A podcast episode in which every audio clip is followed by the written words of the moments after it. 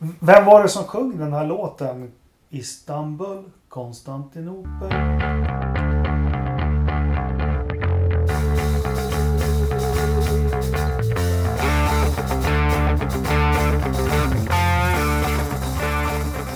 För 103 gången skvalpar vi vidare ute på World Wide Web.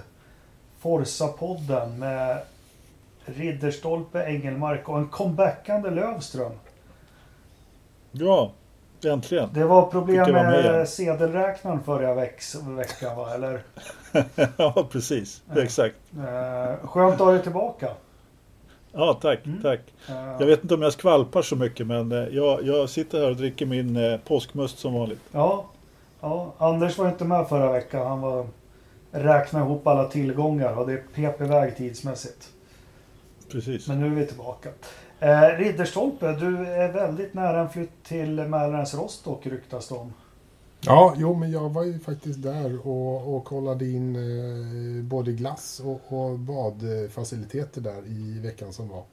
Och, och benchmarkade dem mot, eh, mot grannen där i Örebro. Och jag kan ju säga att Rostock vinner ju ganska lätt. Ja, trevligt. Eh, Ja. Så nu, nu kollas, det, kollas det hus. åkte du Black River? Det var det första barnen gjorde. Vänta, nu drar vi Black River, så, fuff, så var de borta. Ja, du ser. Hej då! Ja, och, och po- poängen är att man ska hoppa in när det är tänt och, och, och mitt i så ska det släckas. För det är tänt i 15 och släckt i 15 minuter. Ja. Ja. ja, men det är fint med lyssnare och program eller panelhönor som besöker Västerås. Och alla som har vägarna förbi Västerås, titta förbi mig, säg till innan. Jag bjuder på kaffe. Man kan till och med få titta på hymern om man vill. Ja, Ja. ja. Har du, varit, har du varit ute och... Har du då? Har du varit ute och rastat hymern någonting? Ja, men hymern, är ju inte färdigrenoverad. Eh. Eh, det, det ska väl göras här nu på semestern. Men eh, den ska rastas. Den ska vara perfekt som poddstudio. Om ni undrar över mitt ljud. Jag tror Beatles på 60-talet de spelade in på fyra kanaler. Eh, själv spelar jag in på en kanal idag har Lövström meddelat. Skitsamma. Det har varit en diger helg. Doubleheader i Iowa, eh, Indycar och vi har haft Formel 1 från Budapest, Ungerns Grand Prix. Hette det Ungerns Grand Prix? Hung, eh, Vad skulle det annars heta? Magyar GP eller något sånt där heter det väl. Ja. Det, de har ju bara kört ett, så att då brukar det vara... De behövde inte hitta på, köra något hittepånamn. Nej, det blev inget Stenmark den här gången. Nej. Nej, precis. Eh, vad, vill Stig ni, Strand. vad vill ni börja med? Puskas GP. Push, precis.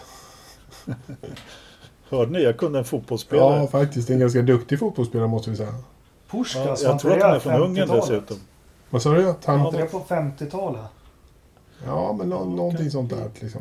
Ingen aning, men jag, jag tror att han var från Ungern i alla fall. Ja, ja, absolut. Ungern det- var ju en världsmakt i fotboll där på... Ja. Jag tror att nationalstadion är uppkallad efter honom faktiskt. Ja. Nu får vi... Eh, Farkas eh, får verifiera det här i, i efterhand. Han, han har koll. Vad heter vattnet som skiljer Buda från Pest, Anders?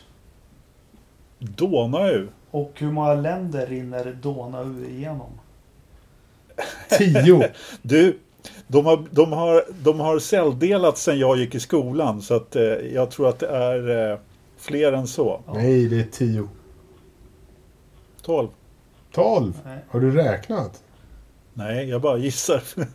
jag, vet, jag vet att ena sidan av eh, floden så heter stan Buda och på den andra sidan av floden så heter den Pers. Mm. Så att eh, det, det är egentligen en eh, dubbel stad som har blivit en faktiskt. Ja. Vem var det som sjöng den här låten? Istanbul, Konstantinopel. Ja, jag vet inte. Det är, det är, en, det är fel stad. Är det? Ja, det, det är inte riktigt... Inte riktigt. Det är i närheten kanske, om man är Äh, snäll. Bosporen Ja. är ju... Jag sa om Ska man vi sluta snäll. prata va vattendrag nu eller, eller vad heter det? Geografi. Ja, jag tycker i och för sig det är trevligt med geografi men, men eh, vi kanske ska gå in på, på Iowa.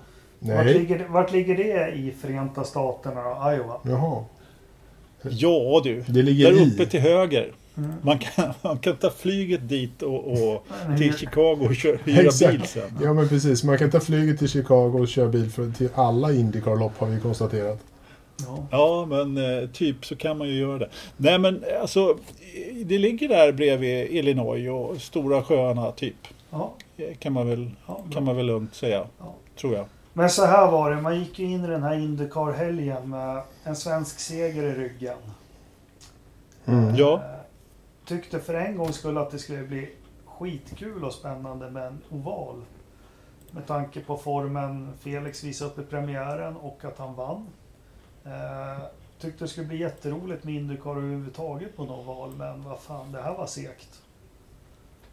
Ja, men jag håller med. Det var ingen, jag hade precis samma sådär inställning som du att eh, nu, nu, nu har nu lossnar det för Felix eh, till att börja med då. Och Marcus var jag egentligen aldrig orolig för att han skulle ha bra fart på den här ovalen.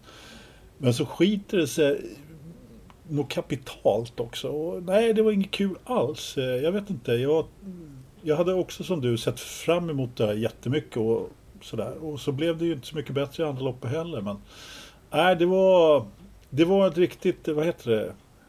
Skitrace. Eh, Ja, det, Ja. precis. precis. Vad, vad hade du för förväntningar, Ridderstolpe?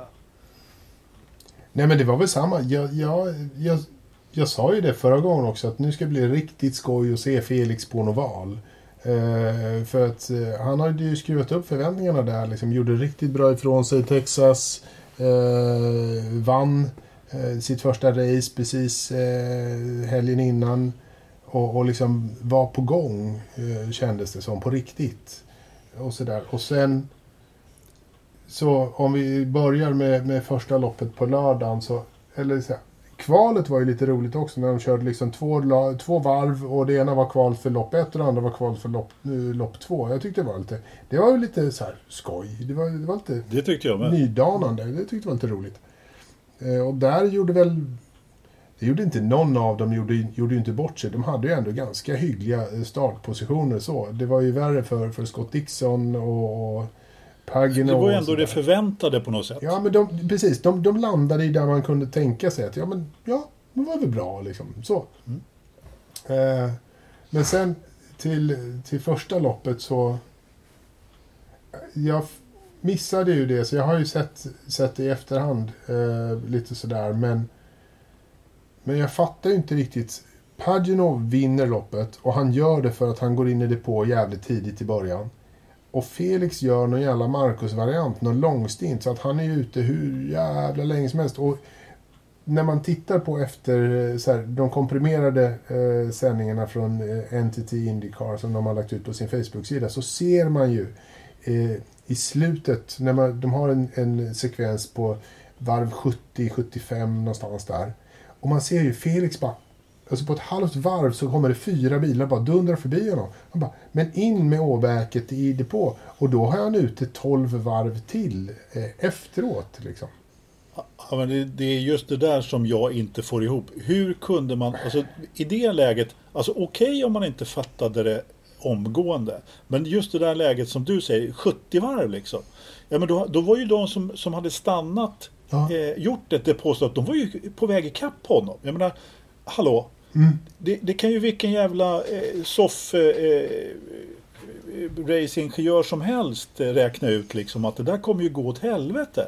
Liksom, ha- ha, även om han kör en, gör ett eller två depåstopp mindre, även om han gör en tvåstoppare så kommer han att vara uppäten utav de här. Det gick så sjukt långsamt. Och det var väl så här, han, Ja. han stod ju still. De bara swishade förbi. På, på en av de här minimala raksträckorna så var det, de bara åkte...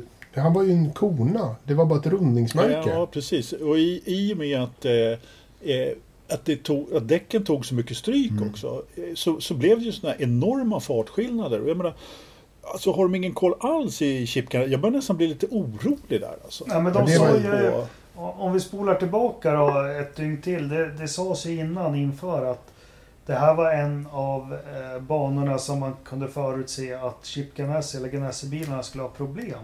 Eh, men det framkom aldrig varför.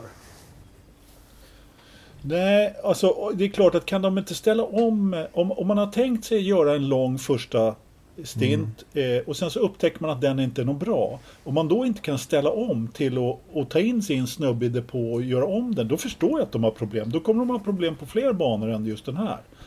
Eh, det, det verkar ju jättemärkligt alltså. Jag är väldigt förvånad över det. Och sen dagen efter då.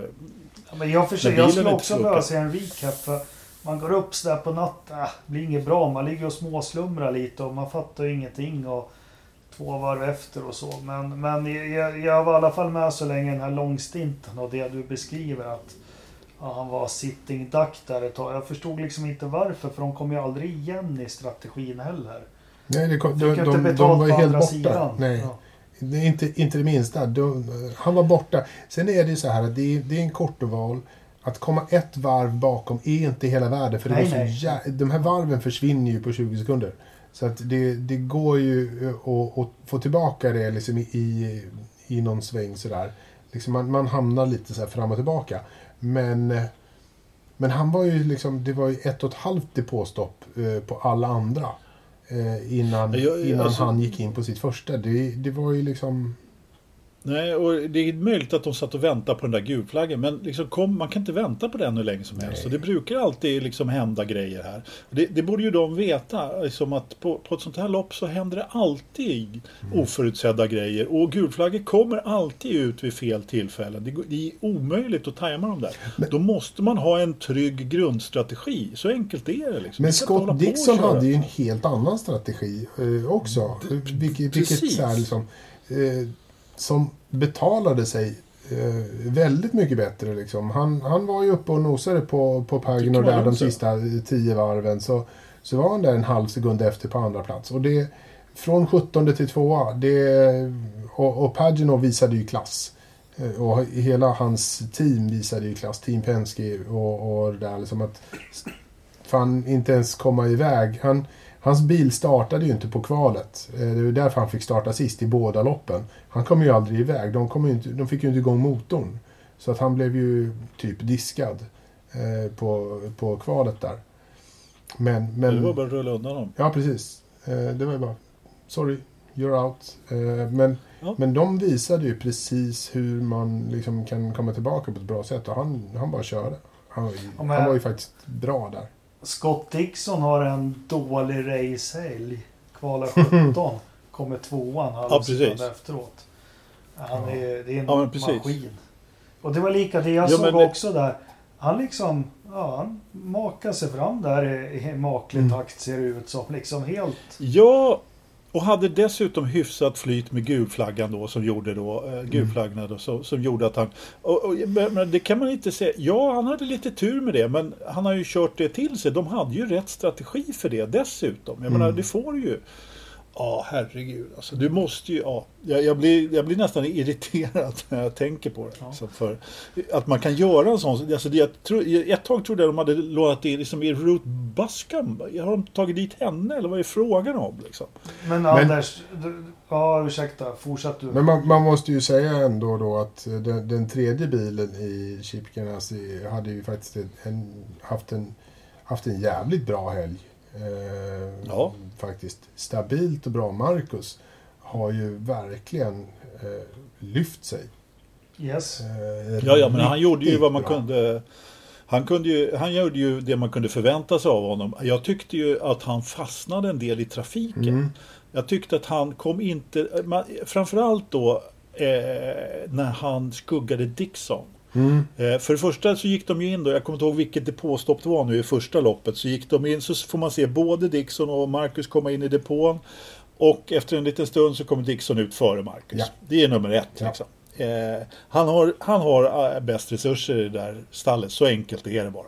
Eh, de gör, han, hans eh, crew gör aldrig några misstag. Jag har inte sett några i alla Det är fall. kanske inte bäst Och de resurser, men de är åtminstone bäst intrimmade i det teamet med den föraren. Och det är väl kanske inte så konstigt med tanke på hur länge Ja men det är det jag menar. Liksom att eh, det, där, där, där han har bäst team helt Ja. enkelt. Och det, det, det kan man egentligen inte säga så mycket om heller. Nej. Jag, jag menar, och det, det är klart att han är ju liksom mästaren. Det är klart att man har resurserna på honom. Eh, Inga konstigheter med det. Och de andra gubbarna de har ju ju skyffla runt lite grann nu efter de drog ner sin IMSA-satsning. Så det kom in lite killar förmodligen som inte har varit i Indycar tidigare och de har bytt lite folk här och där. Så att, men det var ingen katastrofstopp ändå, men det var det jag skulle komma till att när Dixon då kör eh, han plockar de här två, tre placeringarna direkt i trafik, vilket Marcus bakom inte gör.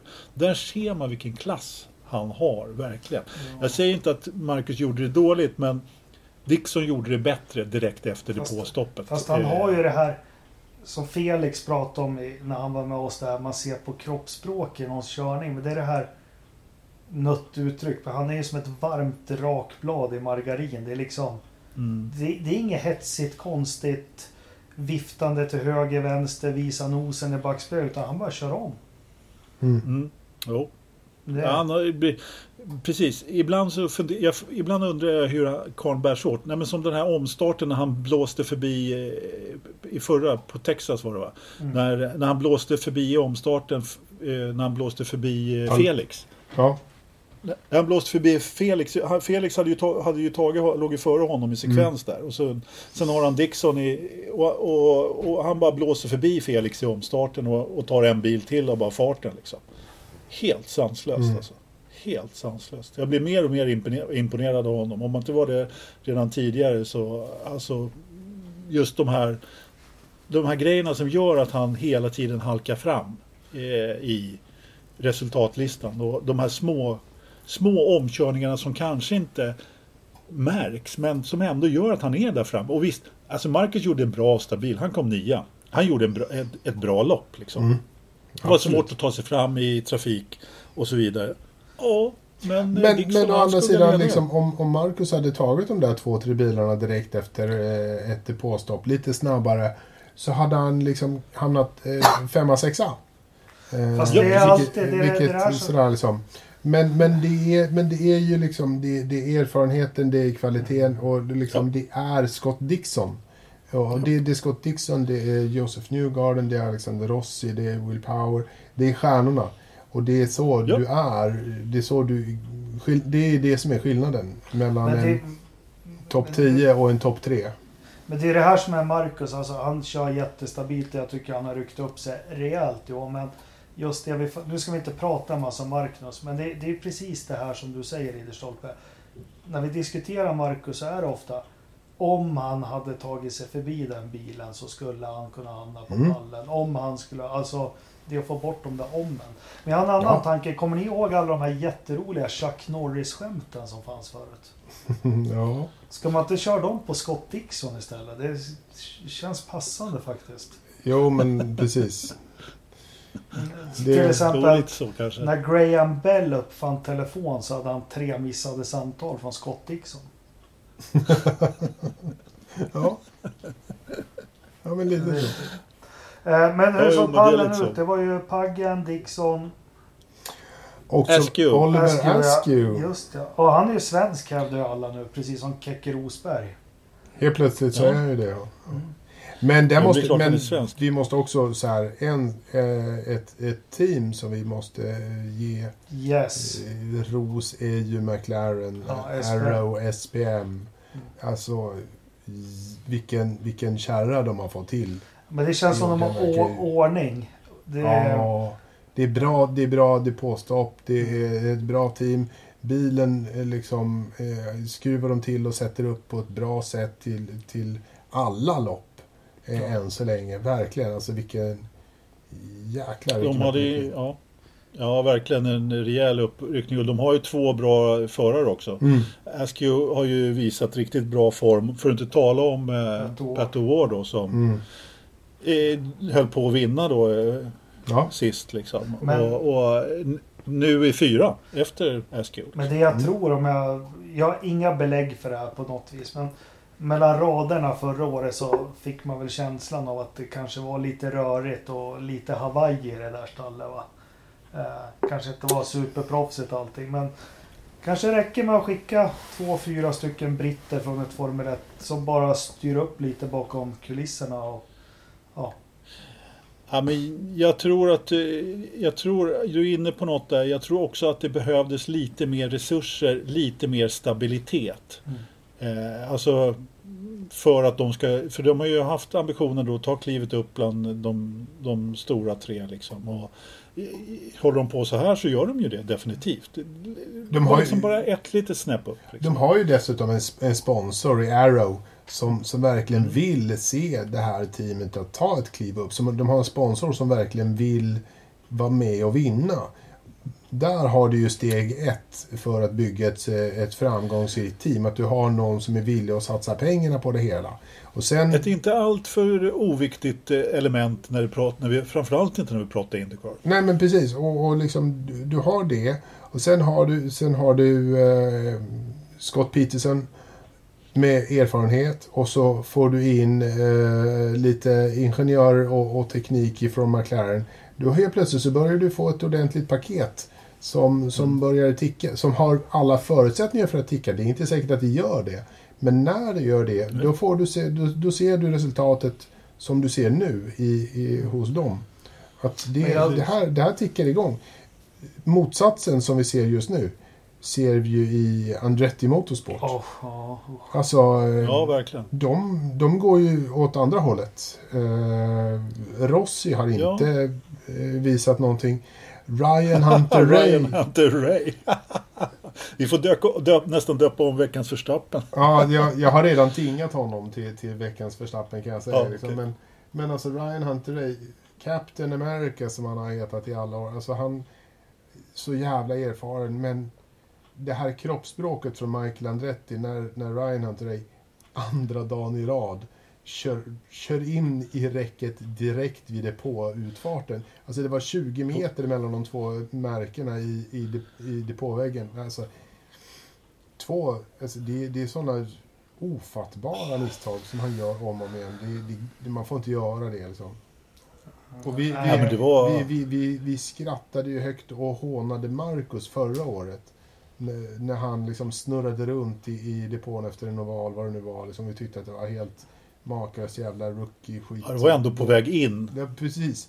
Nu när han, han växlar upp till tvåan och, och snurrar runt och, och tappar kontroll och bara dundrar rakt in i väggen. Men vad fan. Ja, han har inte kört 240 ut från Statoil i november i Falun. Nej, det kan man säga. Det har han fan inte gjort. Men jag tänkte tillbaka på McLaren, för visst var det väl så att de gav sig in i det här med SPM. Det är väl Mm. tekniskt, alltså de går väl inte in med pengar. Men jag kan tänka mig att tre, fyra ingenjörer hjälper till. Så här tolkar vi data grabbar, så här styr man upp en racehelg utifrån data vi samlar in och så. De, de, äh, men de känns stabila. Alltså, Jag, tror att det är pengar, mer... pengar har eh, det- definitivt bytt händer. Det, det, jag är övertygad om att de har puttat in pengar och kanske mer så här, det är 30-40 ingenjörer som de har skickat över. Och eh, så hade de ju Gilde Ferran på, på kontrakt också. Som jag inte riktigt vet vad han har tagit vägen eh, sen Indy 500 förra året. Men, eh, men ändå. Han kan ju Han har en position på Honda i och för sig. Okej. Eh, tror jag. Men eh, jag, alltså, McLaren har ju köpt en andel i stallet. Så att eh, det, pengar, det är liksom... Ja. De vill ju att det där ska funka. För Zack, Zack, han känns ju faktiskt som en kille som får en slant över ibland. Han får nog en slant över varje månad skulle jag tro. Ja, det tror jag med. Ja, eh, för Ja. att inte podden ska bli för lång. Eh, med första loppet vi hade där och, och ja, men Marcus kör i vanlig ordning stabilt. Eh, behöver väl... Ja, men det skulle vara bra att få upp på några platser. Men sen har vi ett race 2 Ja. glad i hågen. Nej men du, vänta lite. Okej. Vänta, får, jag, får jag bara sticka in en grej? Vi måste bara nämna ett par saker om, om lopp 1 och, och kanske kvalet. Connor Daly. Mm. Mm. Apropå stall med lite sämre, Ja. eh, med lite sämre founding. Varför När ska han liksom, få en och- full sitsare? Ja men precis, han som kör för två stall i år. Liksom. Tre. Och, och, tre till och med, ja precis. Mm. Och, och ändå gör och tar sin första pole. Ja, men eh, det, sånt gillar jag. Ja. Jag tyckte det var riktigt kul. Och han kommer väl åtta där. Han hade väl kunnat, hade väl bud på någon plats mer. Hade inte riktigt bra fart. Men, Men jävlar vad glad han var efter kvalet. Fan vad skönt. ja, se, han var liksom. kul att se. Ja, kul var att se. Kul skoj. att se. Jack Harvey som också kör för ett litet skitstall, eller på att säga, gör ju också ett bra lopp. Mm. Men, men här är Colton Hurta. Han, först, han, de förstörde ju hela hans helg. Mm. Med och eh, han var, såg ni intervjun efter? Ja, han var ja. riktigt förbannad Mm. på att han inte hade fått liksom, meddelandet om att eh, starten Ja. var aborted så att säga. Det höll ju på att bli en eh, ganska hemsk olycka också. Ja, det är inte nog med det. Nu tog ju nya aeroscreenen smällen där och alltihop. Men han körde ju rätt över Renus WK i stort sett. Men du, Eh, så- Aeroscreen, såg- det är styrhytten från en vad, brukar du säga? Från en motorseglare. Ja, men som heter Albin 82. Albin 82. Ja, men den ser lite bättre ut på- från vissa vinklar. Men från någon vinkel så ser den ju helt fyrkantig ut. Den ser inte klok ut. Alltså. Fast det man ska ta, när du ändå är inne på den, nu hoppar vi lite, förlåt. Men, jag kommer inte ihåg vart det var inne. De har ju lite tech-analyser också i, i Indycar som de har i Formel 1 med uppdatering. Men Mm. en stor del av eh, Ganassis framgångar tidigt på säsongen, att de har tydligen fått bäst koll på den här. Det är ju 40 kilo högt upp. Mhm. Så kan det säkert vara. Så kan det säkert så- vara. Det kan, det kan säkert ha en del av var, varför man eh, inte hade koll på vissa inställningar nu på Iowa också. Det var ju första kortovalen så, så kan det definitivt vara. Ja, men du får snacka mer snart Anders. Vi hade ju ett lopp två också. Och ja, sin vana trogen, man snubblar upp där, tar med sig täckekudde, sätter på lite kaffe och eh, man andas lite revansch. Eh, känner väl att det var missöde igår. Eh, vad händer i lopp två då? Ta iväg det, någon av er. Lopp två kan man bara sammanfatta genom att säga Joseph Newgarden. Över 200 av 250 varv i ledning. Han dominerade ju helt och hållet. Det var, det var inget snack om saken. Han, han, eh, han drog iväg och, och lämnade ingen eh, orörd efter det. Så han bara körde. Will Power som kom två i lopp två. Mm. Eh, första loppet, var, var det ett misstag av honom? Det var det inte va? Nej, De han satte inte tappade på ju hans hjulet. hjul De hade inte skruvat fast vänster. De hade inte dragit på det ordentligt. Jag var bara tvungen att komma ihåg, eller rada upp minnet där. Men eh, Graham Rahal gjorde ju också ett bra lopp där, Mm. lopp två. Det var lite kul faktiskt tycker jag ändå att han fick en eh, framgång där. Ja, men det, det, det var det. Absolut. Och det var väldigt skönt att inte Pagino vann ett till också. Och Felix hade, Han hade ingen, ju- han hade ingen pace alls. Nej, Nej, Där vet man inte riktigt så här, vad, vad, Lopp ett så snackades det misständning va? I, i, i motorn efter första loppet. Så här. Men andra loppet så var han ju inte... Han var ju inte riktigt på kartan alls där. Det var lite småstrul någonstans här och där i, i depå. Men inga, inga jättegrejer som att han stannade och fick backa Ja. tillbaka eller några sådana här saker. Men... Nej, han sa bara att han hade en riktig skitbil. Den, pass, den var bara helt okörbar enligt honom. Ja, Han hade, de hade gått helt fel med inställningarna. Och det, det är det här som gör att jag blir lite orolig. Alltså om man inte... Om, om, de, om, om Dixon kan eh, liksom ta en topp 5. Marcus hade ju också fart för en topp 5 men blev lite... Eh, hamnade lite fel i en gul flagg. Det, sånt händer ju liksom. Men, men eh, båda de två har bra fart på sina bilar. Och, och, och Felix har det inte. Han Mycket sa ju märkligt. redan efter kvalet att bilen var inte bra alls och det var en do or die han gjorde. Ja, precis. okej. precis. Så de fick kanske aldrig ordning på honom. re- riktigt ordentligt. Men på, på första loppet så hade han ju ändå lite fart i, inledningsvis. eh, Sådär, liksom. Men, ja. Ja, en stund i Ja, alla fall tills, tills, tills Ja. han fick... eh, De sista 30 innan första depåstoppet så var han väl ganska... Eller så var det det som, som liksom skets alltihopa därför man var ju tvungen att göra kompromisser för att han skulle köra så länge. Och så fick man aldrig ordning på inställningarna sen. Jag vet inte. Det är jäkligt märkligt. Fast om vi skiter i svenskarna då, lopp två. Här var väl ett av de tråkigare Indycar-racen jag har sett i mitt liv. Ja, Ja, det var, Ja. det var väl inte riktigt den natten jag skulle varit vaken på, eller hur? Nej. Nej. nej, vi kan väl säga så här att eh, det kan vara så att jag inte riktigt kommer ihåg några utav varven där i mitten. Vad fan, Anders. Nej, jag, nej, jag var ju fan där. Jag, jag, jag slumrade lite i grabbens säng eftersom han hade snott min. Så gick jag upp sen och, och, och kollade eh, och sånt och var vaken hela vägen till, till femsnåret. Sådär. Alltså, men det hände ju inte. Det var ju, det var ju inte direkt händelserikt. Det kan man väl kanske lugnt säga. Nej, det var inte ens en spektakulär krasch där som det var i första loppet. Nej, det var inte, inte ens det liksom. Det, det var bara Ryan Hunter Ray som höll Exakt, det, stilen. det var det enda, det var det enda jag, jag gläd, glädje emot. Med, Men om vi försöker ta med något och haka fast allt vi då. Eh, vad har vi nästa race i Indycar? Mid-Ohio. Och när kör 9, 9 augusti. Oj! Så nu är det, Där, ja, nu är det ett hopp.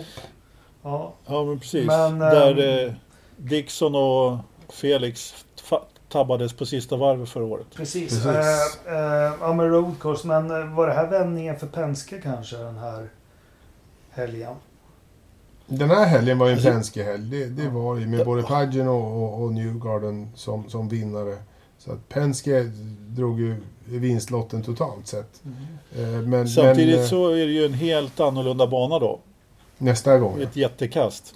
Men det jag tar med mig är ju att Marcus, Marcus tar jag med mig. Hans, hans stabilitet och hans eh, höjda lägsta nivå den här säsongen. Det är vad jag drar med mig från Iowa. eh, Mer än någonting annat. Scott Dixon, att han har en hög lägsta nivå och har en skithelg och och slutar Ja. två, det, det är Scott Dixon. Eh, Ja, men men, men Marcus och, och att Pagino vinner, ja, han gör ju det någon gång ibland. Det är som Takuma Sato får ett frö ibland också. Eh, nu har de fått det på Indy 500 de jävlarna men, men, eh, men ändå. Något säger att ja. ja, jag håller med fullt i din analys. Jag tar med mig samma sak i Marcus. Ja, men det, det är båda jättegott. Eh, hoppas... Fan, Felix ska ju köra för mästerskapet. Nu, nu måste det komma stora på... Eller Dixon har redan avgjort det här. Så. Ja, alltså Felix, Alltså, det- Felix har ju för, för dåliga resultat nu i början för att eh, han, om han ska köra för mästerskapet så får han shapea till sig ganska ordentligt och det är jag vet inte riktigt om, om det är i år han kommer att köra för mästerskapet. Nu, nu är han lite långt efter från början. Men klart, en seger på Mid-Ohio Mid-Ohio är inte omöjlig. Någon mer landsvägsstadsbana seger och så topp 5 resten av det. Får tänka positivt. Ja, och Ja, då, du, jo. du tror inte att Scott Dixon kommer att vara topp 5 resten också? Jo, det tror jag. Precis. Det slog mig. Undrar om Scott Dixon är... Han, jag tror inte ens... Han är den enda som kör utan spotter till och med. Va? Nej, jag skojar. Utan Nej, spotter. jag skojar. Han slänger Det upp det ett av som sina tju- falkögon där på läktaren. precis. Chuck Norris-skämten där. Ja. Ja, Eh, precis. men Nej, en men annan apropå- sak... nej, men- Ja. Men apropå eh, Scott Dixon så satt jag faktiskt och funderade idag på att jag fick känslan idag att han gör sitt sista, eh, sin sista säsong för att han kommer att bara sopa hem det här och då har han vunnit det en gång till och så slutar han på topp. Han har Alltså, åldern är inte inne. helt, inte helt omöjligt. Jag, jag har funderat på eh, liknande scenario faktiskt och funderat på och, och Chip Ganassi har ju i stort sett uttalat sig om att eh, han letar en ersättare till Dixon. Så att Mm det skulle ju faktiskt inte vara speciellt konstigt. Och då, just i det här, det här har vi pratat om några gånger. Just därför så vore det ju väldigt... Alltså Felix seger kom ju väldigt lägligt. Det gjorde den definitivt. Sen så vore det ju bättre att ha backat upp den då med, med några bra resultat också. Men, men segern den, den, den satt ju som hand i handske, så är det definitivt. Men nu gäller det bara att han visar att han kan ha bra fart här på eh, på Midohaj, det vet vi att han kommer att ha. Om kommer det, han om inte det göra nu bort är. Felix som är, ska bli eh, eft- efterträdaren till, eh, till Scott Dixon. Vem skulle det annars vara? Fetter. De tar inte in någon annan. Det, det, det, det, då får de börja om igen. Nej, det är Felix är den utvalde. Så är det. Ja, så är det. En annan spännande nyhet, jag vet inte om ni har läst in er något på, men Roger Penske har ju gått ut ganska tydligt med att ja, det är inte bara samtal jag för med Ferrari utan de är på en ganska allvarlig nivå. Går Ferrari in i Indycar tror ni?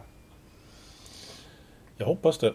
Nej, det, vore, det, vore, det är inte helt jäkla omöjligt. Det är inte första gången Ferrari snackar med Indycar-organisationen. Eh, sådär. Eh, nu har det ju hänt lite saker i och med att Roger Penske köpte upp hela eh, konkalongen för eh, några månader sedan. Så att han äger ju hela Indycar-cirkusen. Eh, och det är någonting som tilltalar eh, italienarna en stark ägare som vet vad han vill, som kan det här, som har liksom motorolja i, blod, i ådrorna. Eh, Det är någonting som de gillar. Sen är det ju också så- att i Indycar-serien letar ju också en tredje motorleverantör. Eh, Där de hemskt gärna vill ha Ferrari in. Eh, för, för liksom historiska skäl är Ferrari motorsport även i USA på ett väldigt starkt sätt.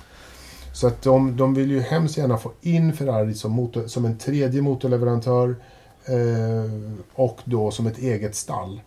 Eh, förmodligen. Men det kommer ju inte ske 2021. Det är väl möjligtvis 2022 eh, som de kan vara som ett eget stall. Men jag vet inte om de hinner ta fram en egen motor till, till nästa säsong. Det är väl tveksamt. Om de inte är klara på det här än. Men jag håller med dig och initierade sig också att eh, USA är ju Ferraris absolut överlägset viktigaste marknad. Mycket Ja. mer än de här Ja. emiratländerna. Men sen så tänker jag nummer två, det är väl inte så jävla noga med bränsleflödesmätare där borta i USA och så. så någon, någon motor får de Eller till. hur?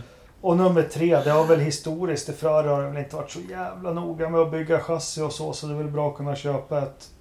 och Ja, så de köper- Italiensk dessutom. Ja, Precis. Motorn är ju det viktiga. Så att, Ja, eh, precis. ja. Så, ja, men vilket lyft det skulle vara. Vi har ju pratat om Indycar förut när de försökte expandera utåt och köra lopp i massa olika länder. Det är väl kanske en sån här expansion som är, är eh, kanske den bästa expansionen. Det här är en annan typ Ja. av expansion. Vilket eh, liksom, Som också gör att Indycar får ett ökat intresse i Europa också. Mm. Eh, Ja, definitivt. Nej, men alltså, rent prestigemässigt på mästerskapet skulle ju naturligtvis vara ett steg i absolut rätt riktning. Så är det ju. Eh, sen att motorerna är... Vi har en fråga i frågetråden om motorer i Indycar faktiskt. Eh, ska vi ta den på en gång? Eh, jag tyckte det är lika bra. Eh, vi ska se vad den tog vägen. Medan du letar ska jag säga så här att det, det- alltså jag tror att Indycar eh, Indycar måste göra någonting åt. Att, att bara ha två motorleverantörer är inte optimalt. Det, det bästa Nej. hade väl varit om de kunde få fyra, tänker jag. Eh, fyra stycken motorleverantörer. Vem den fjärde ska vara, det vet jag inte. Men då har de en bra mix och då kan det liksom bli... Då kan eh, racen bli ännu mera ovissa. Eh, tror jag. Jo men så är det ju. Eh, Rasmus Steinvall, hej bästa Motorpodden. Jag skulle vilja veta lite mer om skillnaderna på motorerna eh, Che- Chevrolet vs Honda. Eh, vet man till exempel om det skiljer mycket i, i hästkraftsantalet? Chevrolet verkar onekligen lite starkare. PS, keep the good work up the good work med Forza-podden. Ja, men Tack, det, som, Rasmus. det jag vet som... eh, Det har väl varit hårfint med vilken motor som drar bäst. Men den största skillnaden på Honda och Chevrolet har väl legat i bränsleekonomi som jag har förstått. Mm. Ja, alltså precis. Alltså, ja, det är väldigt svårt att få någon information överhuvudtaget. Eh, Jag har faktiskt letat lite grann både här och där. Och, och, och precis som du säger, det man kan räkna ut lite själv och, och sådär är ju precis bränsle att de har dragit lite, lite mindre bränsle och det har väl gjort sig framförallt på vissa ovaler då som de har haft ett litet övertag då, Chevrolet. Sen vet man ju inte hur mycket som är vad och, och vad jag förstår så balanserar man upp motorerna också innan. Så att det får helt enkelt inte vara för stor skillnad på motorerna därför att man vill ha en, e- inte som en enhetsklass men väldigt eh, liten skillnad skulle jag säga i, i, eh, i, Men hade i du inte fel där? Är det inte Honda som har bättre bränsleekonomi Jo. än, eh, än Cheva? Det, det, Ja, det, det är Honda-motorn som drar mindre. Det är de som har eh, fördelen. Jo, Och det är, och det. är just... Det är, främst ovaler är, är ju liksom bränsleekonomi någonting som är, är, är väldigt viktigt. Men annars så toppfart och, och eh, så här, dragracing Man- möjligheter. Är så här, där, där är de ju liksom jämbördiga ganska mycket. Precis. Men, Ja, men- men Hondan är bättre ekonomi. Absolut, det stämmer. Det stämmer. Eh, eh, man kan ju titta också på eh, antal segrar och om, man titt, om man bara kikar inte så där jättelångt tillbaka försök att hitta en Chevrolet förutom Penske som har vunnit. Det blir rätt svårt kan jag meddela. Det är ganska Mm. länge sedan det hände. Hade inte Montoya skeva när han körde för sista svängen här med Ganassi i... Det kommer jag inte ihåg faktiskt. Jo, men körde Ja, jag ska helt Det var ju rätt länge sedan också. Så att Nej, det är bara ett par år sedan. ett par år sedan. Ja, Ja, men precis. Var det inte 16 han var med och slog som titeln? Va, Han- Montoya? Hade inte han en Mazda-vankel? Nej, men kom igen nu. Han gjorde ju comeback här. Det är inte många år sedan alls. Och höll ju på att ta med Jag vet mästerskapet det sista. Skitsamma. Ja. Ja, ja. Det om det om Indycar. Vi, vi slår igen den dörren och så tar vi lite paus från den fram till augusti, vilket kan vara skönt. Eh, och så snackar vi ner som det är så fint. Det skulle varit intressant att ha haft Lennström och Ternström med sig, apropå det här med mer biltillverkare. Alltså, om Ferrari går till Indycar, vilka kan vara logiska att följa med där? Jag har, jag Vad har menar två du med frågor följa på med? det. I, Vad menar du med följa med Ferrari? Eh, Som förare eller som andra Nej, som eller eh, som... fabri fabrikanter då, eller andra stall och så. Vi vet ju Merca har ju haft mycket framgångar i Indycar. Vi Ja, du menar som ett fjärde stall? Ja, vi har, Toyota har ju varit där. Ford. De är inte med någonstans längre. Och, ja. Nej. Nej, nej, alltså där har du ju tre stycken eh, möjliga kandidater eh, att, att vara med i, i Indycar som en leverantör. De tre, vilken av dem som helst skulle ju kunna liksom passa. Eh, jag tror att Roger Penske skulle ta vilken som helst av dem eh, för att bli en fjärde motorleverantör. Jag tror att han skulle älska att få in Ford. Eh, liksom för den amerikanska konkurrensen där liksom. de har ju dragit med, med svansen mellan benen en gång. Eh, så jag vet inte riktigt om det är... Ja, eh, det är så jättesvårt att veta naturligtvis. Det känns ändå som att Indycar de senaste här på liksom, sista åren på 2010-talet år ändå har hittat sin rätt bra plattform där man tar små steg framåt hela tiden. Och nu har man fått in en och annan profilerad förare. Det kommer en och annan förare från Formel 1, jag tänkte på Alonso då. Eh, Och sen eh, så har man ju ändå tagit små, små steg framåt och skulle man få in Ferrari då så tror jag ändå att det skulle dra med sig, som svar på din fråga Jakob, att jag, jag tror nog att det skulle dra med sig åtminstone någonting, definitivt. Det skulle höja liksom nivån på mästerskapet så att fler blev intresserade och eh, jag tror absolut att det skulle vara bra för, för mästerskapet och eh, att något mer stall kom in. Men sen, sen är det jättesvårt att veta vilket. Det, det, som, det värsta som skulle, eller värsta, men det, det värsta scenariot eller vad man ska säga är ju att Haas byter helt enkelt och börjar köra Indycar med Ferrari istället. Ja, men det är väl, inte, det är väl kanske inte helt jäkla eh, orimligt. Men sen, sen tänker jag också, jag, om jag hade varit Roger Penske och snackat med Ferrari så skulle jag nog också vilja att de committar sig till eh, åtminstone en, en in, Indy Lights-satsning också. Eh, för att även där på så sätt kunna knyta åt sig ännu mer europeisk eh, förartalang tidigt. Eh, Så, så som vi ser en svensk våg som, som rullar över där nu med både Linus och Rasmus och, och vad det nu är som, som kör framgångsrikt eh, där. Och få med liksom lite mera brittiska förare också och, och sånt där för att få ännu mer sånt. Så att jag tror att jag tror att man vill ha dem i de lägre, en, en leverantör i de lägre klasserna också. Just för att dra unga förare. Precis, har inte Max Chilton någon lillebror som kan köra? Det hoppas jag inte. Mm. Hade vi fler Indycar-frågor? Eh, nej, det var bara en, en, två andra frågor med tanke på din, eh, din eh, inledning där. Och det Mm. var en fråga från en som heter Joakim Ternström som undrar vad Ternström håller hus. Jag vägrar att lyssna om inte Ternström är med. Och sen hade vi en fråga från hans vapendragare. Vad håller Lennström hus? Jag vägrar att lyssna om inte Lennström är med. Ja. Ja, där har vi tappat två lyssnare då. ja. Piff, Ja, vi måste nästan ha gjort det. Piff och Ja. Puff. Ja, eller hur? Ja, Bill och Bull. Ja. Ja. Vad sa Det du. Bill? Va? Bull? Ja. Ja. För de som... Nej, glöm det. Eh, Formel 1, Ungerns Grand Prix.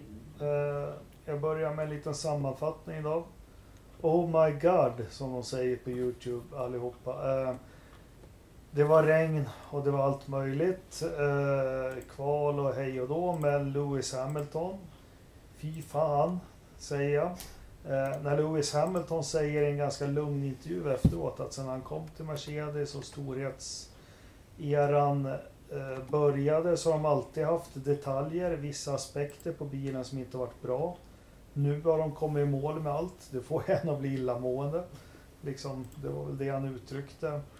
Eh, Bottas är ju samma gamla vanliga Bottas. Eh, behöver inte orda mer om honom. Eh, en del märkliga resultat. Ferrari är ju helt under isen. Lando Norris är en dagslända. Skoja bara, vi satt ju alla... Var någon som skrev i tråden såg jag i efterhand. Ja men nu är det sista varvet, Lando slutar femma. Scenario, scenario sju nu. Mm. Eh, eh, nej men... Det finns inte så mycket mer att landa i efter Ungerns Grand Prix. Att den, en av de bästa förarna genom tiderna sitter i en av de bästa maskinerna genom tiderna. Och eh, då blir det så här. Ja, Då men det vinner man med sju sekunder fast man gör ett litet mysigt ett däckstopp helt i Mm. onödan på slutet. Och man kvalar ut allt och alla. Ja, ja. Nej, men det var ju det som jag skrev någonstans där också. Det är verkligen hela paketet. Det är ingenjörer, det, det är eh, chassi, det är aero, det är förare, det är, eh, det är på skruvdragare. Alltså, det är, allt är helt klockrent i, i det stallet just nu. Det finns inte på kartan att, att eh, alltså, jag vet inte, de får vara fan packade om de ska misslyckas. Eh, för att det ska gå illa liksom. De gör, de gör, Jag de vill- gör ju det här som, även om de är råbakis så skulle de vinna. Mm. Ja, jag skulle vilja påstå att de gjorde ett stort strategiskt misstag i Ungern, men det var ju inte direkt på den sidan garaget eh, med nummer 44 på bilen. Men nummer Eh, 77. Ja, alltså man kastade ju i princip bort eh, andra platsen där man tog in Bottas då för, för hans sista stopp där. Och, ja, eh, fast vad fan skulle ju- seta en vem som helst i den där bilen skulle de kommit tvåa om de ens hade Felix strategi från Iowa 1. Men, men så här.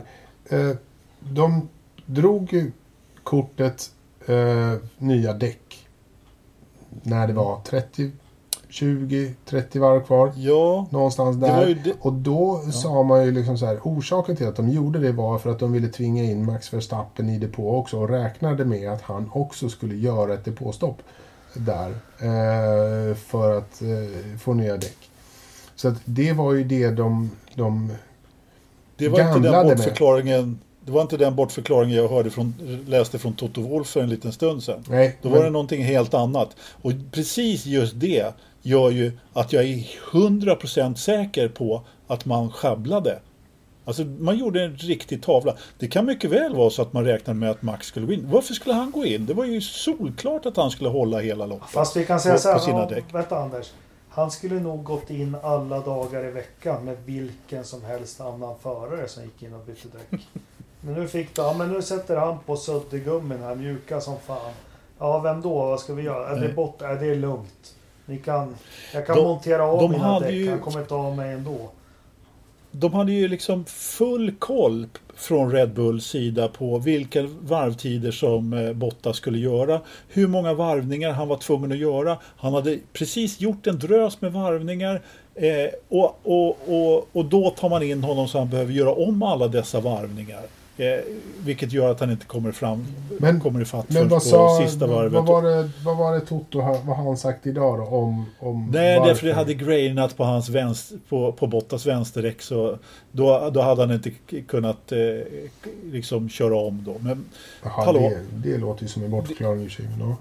Fast ja, men jag säger ju det. ja. Det är ju bara bortförklaringar. Nej, men jag måste... Han- han- ja, men hade, man gett, hade man bara gett Bottas liksom en ärlig chans så hade han ju, eller, eller, ärlig chans, men hade man bara låtit honom vara kvar så hade, hade han ju åtminstone haft en ärlig chans och, och komma om Verstappen så hade vi ju ändå fått se åt, när de där krockade ihop Fast jag- på någon, någonstans. Jag måste liksom. säga, är det något jag upplevt nu när man söker igenom allting? Alltså, Mercedes ska även hyllas för att de är så otroligt transparenta. Och har de gjort ett misstag i strategin, då säger de det. Särskilt i de här eftersändningarna som kommer en eller två dagar innan när de berättar om loppet. Eh, Det som fick mig, Ja. det var det här med deras sensorer i växellådan och, och alla elkablar och allting. De är ju, jag har aldrig stött på den här och det är häftigt. De är jättetransparenta. De berättar Det är de verkligen. Kommer du inte ihåg när vi började kolla på Formel 1 när det bara brann i bilarna och alla bröt med elfel? Det var ju så hemligt. allt. ja, jo. ja, just. Eh, De är ju Ja, precis. Det var alltid- det var alltid elfel. Jo, och det är, det, som, det är därför som jag tycker att det här är lite märkligt. Därför de brukar inte göra så här. Och det är därför som jag bara jag, jag förstår mig inte på den här eh, grejen överhuvudtaget. Det, är, det kan vara jag som eh, har helt fel men eh, det, det, det, ingenting tyder på det just nu tycker jag i alla fall. Nej men eh, uppvisning, kan vi säga något annat? Ja, nej alltså hallå. Ja, det nej, var ju- det, det, det Jag menar- är klockrent. Det, Ja. Det är ju Ja, ja. De är en helt det är ingenting liga. att säga om. Och, och Ja, ja. Verstappen, han är ju absolut inte Lewis-klass. Men han är ju... Ja, Leclerc går inte att bedöma, men han, han gör ju det som en jättetalang och bra förare gör. Han har en sämre bil, men han klämmer in den där emellan i alla fall. Han gör skillnad. Ja, men det är ju det han gör. Han gör ju en, en klassisk eh, Verstappen på utvarvet och dessutom så gör ju då Red Bull-meckarna liksom årets prestation som får ut fanskapet innan han får någon bestraffning så att han kommer, kan starta på sin eh, startruta också som dessutom var ganska långt ner. Och eh, eh, liksom precis som du säger, det, han gör verkligen skillnad. Han, eh, Han gör som, som Alonso gjorde med, med en eh, skittaskig McLaren. Får upp Ja. den på, på, liksom, på hög, hög procent av tillförlitlighet. Ja, och, det som kör i åttor kring Albon. Eh, Ja, nu var det ju lite. mycket snack om Albons, eh, Albons prestation här i helgen också. Och till och med polarna där börjar ropa på. Komma till försvar på riktigt. Ja, till, precis. Ja. Exakt. Ko, ko, komma ut till hans försvar där och, och så vidare. Men det är också en liten gåta för mig att vi inte riktigt har sett det bästa av Albon. Att han inte Men riktigt har att inte har lossnat där. här har du ju problem med Ridderstolpe varit inne på i flera år. Och han börjar ju få Gasly-sjukan här nu. För till och med jag ser ju att den här Red Bull-bilen är ju inte jättelätt. Jag satt och försökte visa när det var kvalet, min son, han har ju börjat köra gokart och tycker det är kul. Men kolla på Hamilton, han kommer till en kurva, riktar in ratten, sen håller han den så. Och sen så Mm. släpper han ut ratten och gasar. Eh, Red Bull-bil, ja Max kan hantera den för han är en superskicklig förare. Den, den ser ju... Jag Ja, den är ser hemsk. svår- ja, Den är, i, år är den, I år är den riktigt jävligt svårkörd. Mm. Och, och det, det är verkligen ingen som, som säger någonting annat heller i, i depån. Den är riktigt jävligt svårkörd. Den har... Det, både aero och, och mekaniskt så, så är, verkar den vara... Eh, jag vet inte. Jag är så jazzigt tillbaka, särskilt Ja. ingångar på kurvor. Och nu sa väl till och med Verstappen sa jag att de säger all over the place. Nej men den över understyr och går neutralt i samma sväng. Mm. Ja, det... Så, men Så det här det- fixar Adrian Newey. Det är lite anteckningar i blocket och så hem till vindtunneln. Fast det är väl lite, är det inte lite som så att det är lite hans eh, fel? För han, han drar det gärna lite långt eh, också. Han är en gudabenådad eh, aerodynamiker och allt sånt där. Men han, han har en tendens att dra det lite för långt. Och nu har han dragit det lite för långt. Och nu måste man också rädda upp den här situationen. Vilket han också är den som gör. För att han är den som kan rädda situationer på det här sättet. Och, Men... Mm, Men, men där säger du något viktigt. Jag ligger just nu på nätterna och läser hans bok. Och han har ju Williams-bilen som Senna körde ihjäl sig. Det var något liknande. Alltså den var ju Mm. superlynnig. Eh, Mm. Han har haft några sådana McLaren-bilar. Men han har ju förmågan jämfört med där Ferrari är nu. Analysera och rätta till det. precis. Eller som Haas. Skulle Newey jobba i Haas förra året. Då skulle de fått ordning på sina problem. Det är jag helt säker på. Och de har ju inte ordning på dem i år ändå. Men ja, vad tänkte du säga Anders? Jo, nej men eh, med, jag har lite svårt att förstå Red Bulls problem där. Men det är förmodligen som ni, jag är inne på era, ert spår där också helt klart. Eh, eh, Och många säger, alltså, framförallt eftersom den har varit ganska stark på den här typen av banor. Och så har man förmodligen gått åt ett annat håll. Eh, Den har varit stark i Monaco, den har varit stark där motorn inte har behövt göra den här stora skillnaden. Och så nu helt plötsligt så är den nervös. Att, ja, men eh, det är lite förvånande tyckte, tycker jag, men eh, ändå. Det, vi, vi litar på att Newey kommer att, kommer att Sen har väl inte. Honda, Honda har väl inte spottat upp sig det återigen. Det var ju mycket uppdateringar de trodde men den räcker inte riktigt till fortfarande. Nej men så är det ju. Så är det. Nej, de I hade, alla fall de, inte mot Mercedes. de, hade, ju- de hade väl liksom sin, eh, sin eh, säsong förra året där de spottade upp sig ganska ordentligt. Liksom. Men nu verkar de ha ham- hamnat på en platå för det här året. Så får vi väl se om de kan... Ja. Ja men så har vi på prispall så har vi Bottas igen och det är så tröttsamt att höra honom återigen säga att det här var inte alls ett bra race. Nu ska han hem och titta på data och förbättra sig. Fan kör bara bättre någon gång. Eller Ja, så- fast faktum är att eh, han hade inte vunnit även om han hade gjort allting rätt eh, i, i, i söndags. Men han, han eh, hade ju en blinkande ratt som han skyllde på. Så att det var ju bra att han hade någonting. Som han, så han fick ju kämpa lite grann faktiskt. Han gjorde, vi kan väl ta hans eh, tjuvstart där också. Det är många som är rätt upprörda över att han inte fått någon bestraffning för sin tjuvstart. Och, eh, jag såg till och med någon som tyckte att eh, Fia favoriserar Mercedes. Det tycker jag är ju jätteroligt. Framförallt efter alla år som alla har klagat på att Fia har favoriserat Ferrari. Exakt. Så, så tycker jag det, ja, men det är på något sätt ett bevis på kanske att man trots Ja, men allt är är lite... rätt enkel Anders. Kommer du ihåg när de började? Jag kan inte säga vilket år det var, slutet på 90-talet. När de började med sensorer på startplattan. Ja. Och då räckte det med att du la i ettans växel. Du vet bilen studsar Mm. till lite så vart det tjuvstart. Nu är det helt Exakt. enkelt så när du kör över startlinjen är det tjuvstart. Och det gjorde ju Det, inte det är Bottas. helt rätt. Mm. Det, det, är, in- det är inte bara så. Nej, men, man har- men Grejen är väl det att sen, sen Bottas gjorde världens mest perfekta start Ja. eh, där han var så kopiöst snabb iväg eh, så att man inte ens kan reagera så snabbt. Eh, efter det eh, så har man ju också satt in en liten eh, leeway heter det på engelska. Alltså du har en liten, eh, liten buffert. Eh, sådär. Du har en liten eh, 0,02 sekunder eh, tror jag det är. Som du har som en liten eh, buffert för att chansa som gör att du kan liksom så här, eh, reagera eh, så här snabbt eller inte. Den bufferten eh, finns och spelade till eh, eh, Bottas fördel den här gången. Plus att när han väl, och det här såg jag, Sky gjorde ju faktiskt ruta för ruta koll. De, de tog liksom eh, för varje frame i en, i en videosekvens så pinnade de fram det en bildruta i taget och kollade på Var det inte sex och före eller något? han var? Nej, men alltså han var... Och när, när han var... När, eh, liksom, när det släppte... När hans ratt slocknade de här två röda lamporna som lyste på ratten och han släppte. Då ser man han släpper eh, vänsterhanden.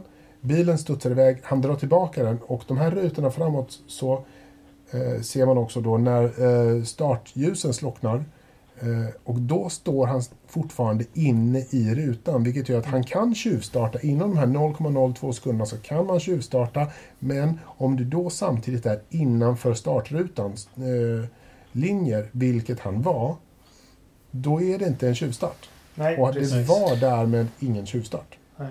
Nej, precis. Och det, det, här är ju, det här är ju ingen bedömning heller, precis som du var inne på, Jakob. Jag menar, det här är sensorer som, be- som eh, bedömer det här. Det är, det är ingen... Det som jag tycker att man gjorde fel, eh, eller, som man, eller som man hade kunnat eh, tala om under loppet, det var ju att bara plicka upp en sån här jävla ruta i bild.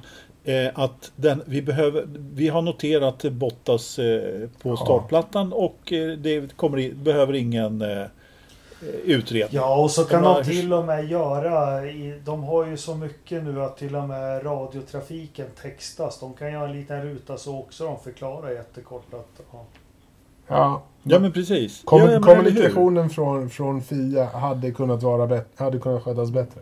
Ja, och, och det kanske det, det uppvisar ju också kanske den eh, liksom fyrkantigheten i systemet de har då. då för att nu, det, behöv, det behövdes ingen utredning därför sensorn hade inte gett utslag. Nej. Och, och, och, och då behövde de inte ens dementera det. Men alla undrar ändå. Så att, Mm. eh, det är ju lite märkligt. Så att, den är ju en no, riktig no-brainer faktiskt. Jag läste väl att Vettel hade en likadan i Japan och blev inte straffad. Ja men precis. Ja. Exakt. Ja. exakt. Men eh, på tal om regler, vi ska inte snöa in på den här också. Men det är väl veckans Verstappen-varning på den. Men Haas gör ju ett genidrag som ett, eh, Mm.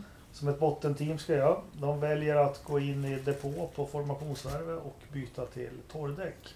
Det fick man inte Ja, är det göra. Alesi-väder så, är det ju, så måste man ju hitta på någonting. Exakt. Men, vad- eh, vad tog du vägen jag på? Ja, Nej, ingenting. jag är här, jag är kvar.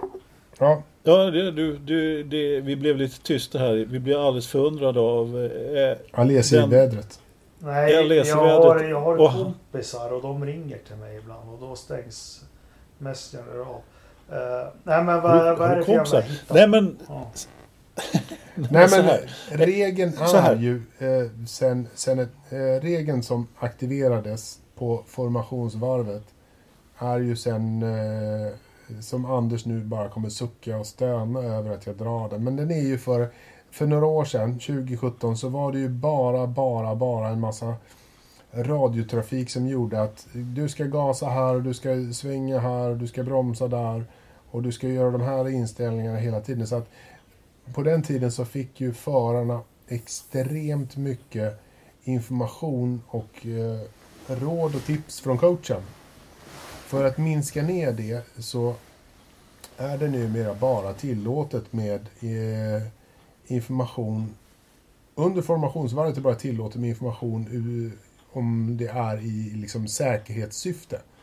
Att gå in och byta till slicks i ett läge som det här eh, var inte säkerhetsaspekten eh, eh på det är ju ganska låg för det var fortfarande blött. Att då byta till slicks eh, var ju liksom tvärt emot eh, säkerhetsprinciper kan man säga. Så Mm. därför så bröt Haas mot reglerna. Regeln som sådan är ju en pissig regel. Eh, Ja, men så här. så. Absolut, eh, det, det gjorde de. Ja, men för det första, killen med bruten arm som fick åka hem från Österrike för att han hade kvaddat cykeln. Som sitter i fabriken hemma i, eller fabriken, huvudkontoret i England. Han ser det här på tv eller på länk. Och så tycker han att ja, men det här är tillräckligt torrt för att gå in och byta. Och det, det är ju naturligtvis helt rätt Ja. drag och göra det. Ja. Och den här regeln då som du pratar om. Det, det är ju dessutom så här då att man har ju liksom skruvat lite på den där regeln också eftersom eh, eh, från början så, så visar det sig det att när man eh, liksom man är tvungen att tala i klartext dessutom därför att stallen är så oerhört eh, liksom slugen så de försöker ju om de säger någonting i samband med ett sånt här att liksom kalla in dem till depån så, så tidigare så försökte de alltså prata i kod eh, med stallen så att de skulle få mer information än vad som egentligen var tillåtet. Och så därför var man helt enkelt tvungna att göra det här under formationsformen. Att du får inte säga någonting så länge det inte är en säkerhetsrisk just under formationsvarvet. Och det var precis därför som eh, när Kviat frågade sitt stall om man skulle komma in och byta till slick så fick inte de svara. För de hade ju koll på det här. Det hade inte riktigt Haas. Vilket ju då gjorde att, eh, eller så tog de helt enkelt chansen eh, och eh, riskerade ett, ett, ett straff. Det är inte helt omöjligt heller. Men det, det Kviat skulle ha gjort det, det, han skulle helt enkelt ha sagt så här. Om han då hade koll på läget, vilket han ju inte hade, det är inte så jävla lätt att ha. Så skulle han sagt, nu kommer jag in för slicks. Ja. Då hade det inte varit några problem. Eh, och, och precis samma sak så hade man kunnat lösa det här med någon form av, eh, jag vet inte, det var någon som föreslog att man skulle ha en sån här, någon, någon istället för pit, liksom eh, depåtavlan då, så skulle man ha någon knapp till bilen att nu, nu ska du in i depå, liksom, till förarna. För då kan man inte ge någon ytterligare eh, information. Liksom. Så att, ja, Ja, men, men visst nu, är jag- nu, Vi snöar inte in på det. Det är en pissregel. Och de bröt mot den. Men, och att den där regeln finns. Och, och vi som har njutit av eh, de här två loppen i Österrike. Vad fan är scenario 7 då? Som McLaren gör på Norris. Tryck nu. Tryck två gånger. Ut i kurva 3. Tryck en gång. Tryck två gånger. Ja, men det är ju det är ju som allting annat, bara inställningar liksom. Och hur de ska moderera kraft och Jo, jag vet. Men det är liksom, väl liksom... mappning och driving Strat. coaches. hela, Jo, men, hela kittet. absolut, liksom. men Jag du kommer inte. ju ihåg Jakob Men, hur, eh, hur det var för, eh, Ja. för ett par år sedan. Ja, när- Rosberg när, var ju värst. när Rosberg... Jag ja, men, snöa in på det. Alltså, alltså, helt han, klart så... han körde ju som... så Han fick ju instruktioner hela tiden. Han var ju så coachad så det fanns ju inte. Och det var ju det som gjorde att eh, man, man slog ner på det. Eh, helt enkelt. Och... Eh, ja, Jag tyckte Ja. det var lite kul. Lewis Hamilton sa ju I see mood 7. Han bara What the heck is that? Eh, på tal om Ja, Nico. Rosberg, han har ju sin YouTube-kanal som är lite fjortis kan man tycka. Men det var, han kör simulator och ger lite tips hur man får ett bra varv runt uh, Mhm. Mycket sevärt. Alltså, det är det här jag saknar sen. Är de här små, små detaljerna som inte jag känner till. Att ut ur vissa kurvor. Hur extremt viktigt det var att placera ytterpar, yttre bakdäcket på den här lilla betongslingan. För där är det bäst grepp. Mhm. Alltså sådana grejer. Och, och, nej, Ja. Jättehäftigt. Vi lägger en länk till. Det, det är mycket med Formel 1, men vi hade ju ett kval där, det regnade lite. Eh, höjdens eh, glädjepunkt för mig, det är ju George Russell kvalar 12. Ja, men alltså hans, hans körning i Q1. Ja. Alltså, fan grabben. Mm. Det där, där har vi någonting att, att se fram emot. Och jag fick frågan i soffan här i helgen. Pappa, vem hejar du på när Anna Alonso inte kör så? Då fan, det är nog Russell är nog min favorit. Eller Lando Norris. Ja, men Russell är det nog, för han är så jävla knastertorr, brittisk, lillgammal. jätte- Det är inte knastertorr, han är ju skitrolig. Jo, men på det här knastertorra brittiska sättet. Han liksom... Ja. Nej, jag, jag gillar ju hela det där brittiska gänget, men eh, jag var en George Russell-fan, så vill ni skramla till en t-shirt, fixa en Russell-tröja åt mig. Ja, Vill du inte ha en Bottas till då? Du, Ja. Den hade min dotter på sig helgen. Var... Men vet du vad som är roligt med Bottas-tröjan? Han visste ju något, alltså Black Lives Matter och allting. Ja, ja, men han, hans tröja var ju svart, vita siffror och lite gröna inslag. Redan för Ja. två år sedan. Ja, ja. Ja. Eh, vi fortsätter. Lando Norris, vi orkar inte ens prata om honom. Han kom fyra. Eh, jättekul för honom, jättebra. Eh, Perez, vart hamnade han då? Efter. Perez, Efter han... någonstans. eh, Alltså... Sjua. Stroll trea och Perez fyra va? Nej, Stroll fyra. Ja, nu snackar du kvalet ja. ja. Men vi börjar där då. De, de tar hela andra Ja, startled. vad pratar du om då? Ja, men vi Racet. kommer till det. Eh, De tar hela första startled. Eh, Den är fantastisk, bilen. Den går bra. Eh, Men något som är lite oroväckande, de kapitaliserar ju inte på det. Inte i något lopp egentligen. Nej, det har de faktiskt haft, haft problem med Racing Point. De verkar ju ha en jävligt snabb bil på kval. Ja. Eh, och jag tror att de har en jävligt bra bil på race också. Men de, de, de lyckas ju fan inte få till det. Nej. Eh, och det Vad kan det bero på? Ja, nu var ju Perez yr i ja. huvudet. Ja, Ja, ja, det, det, han- han ska inte köra ovaler kan vi säga.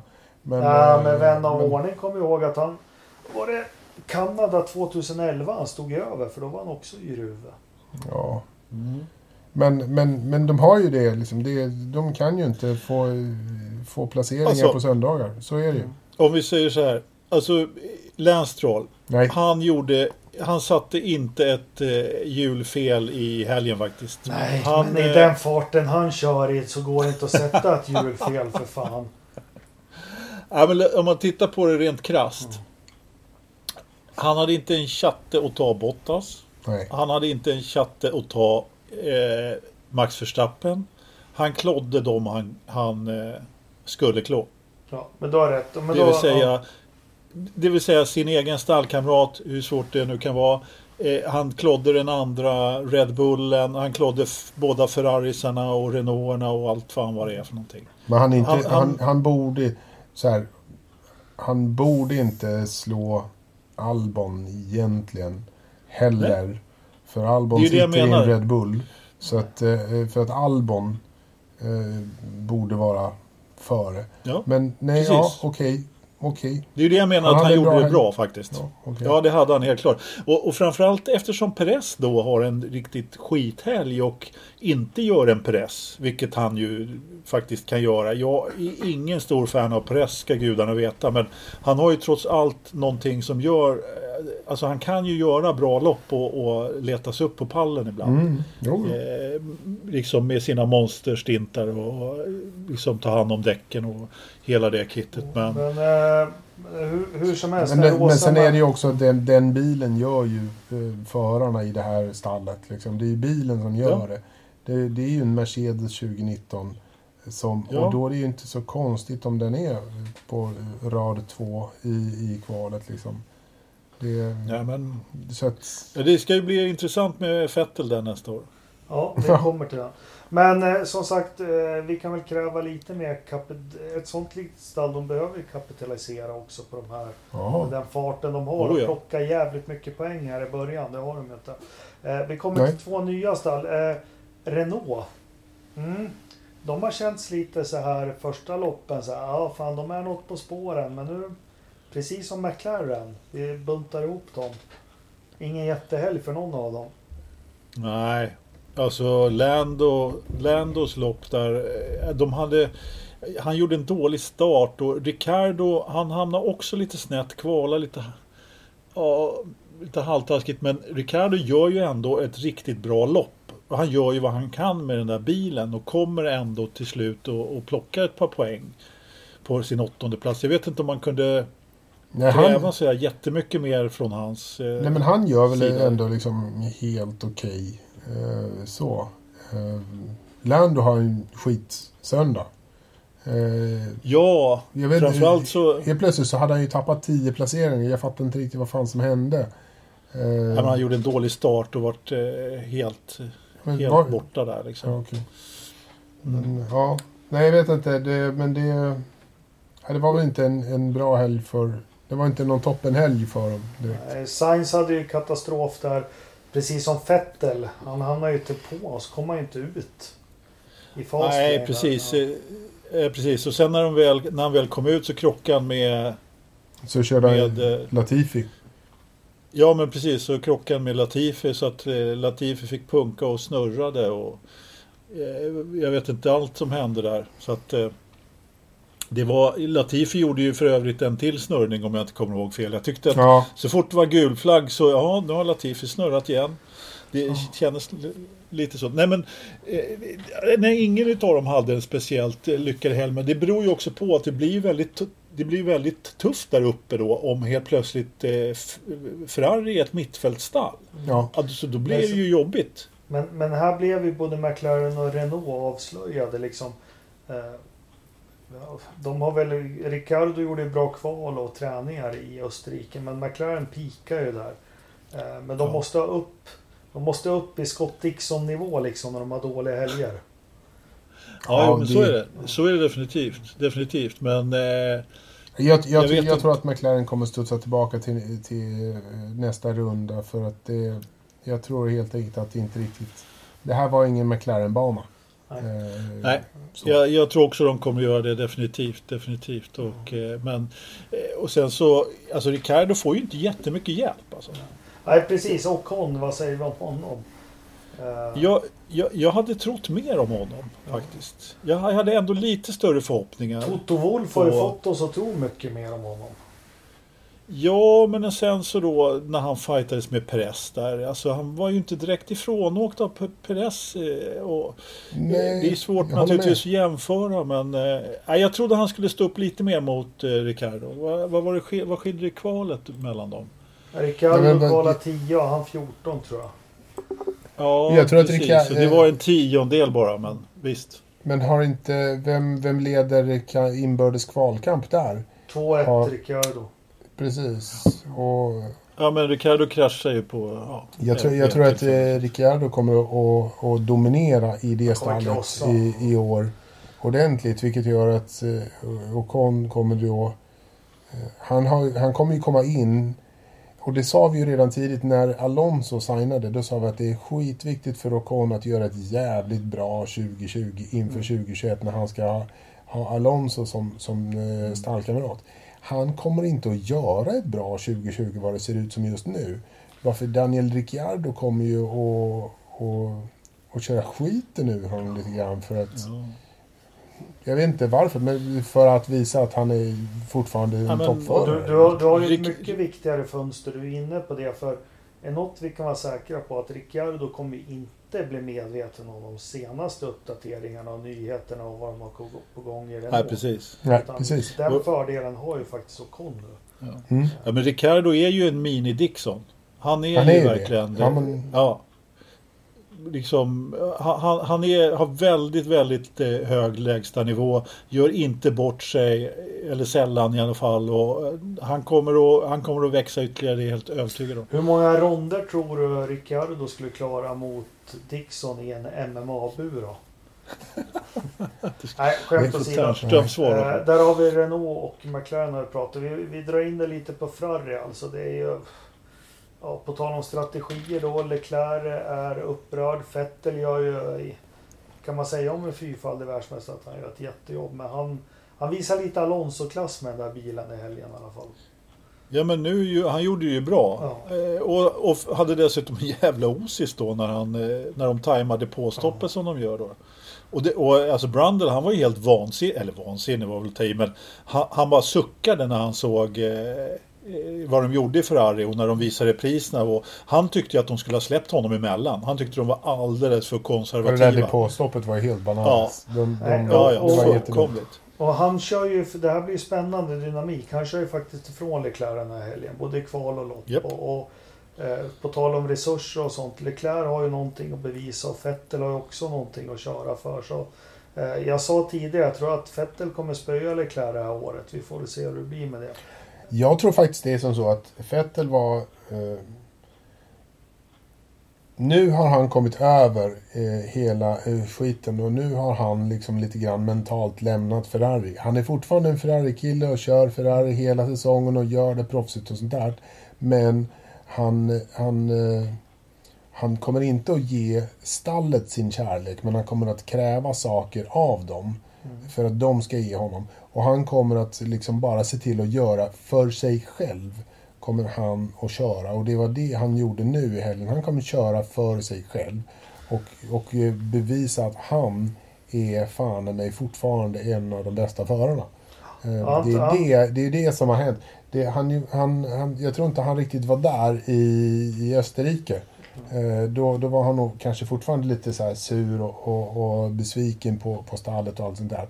Men jag tror att när vi kommer till Silverstone, en double header där, så tror jag att han eh, återigen kommer att eh, göra livet jävligt surt för, för Leclerc.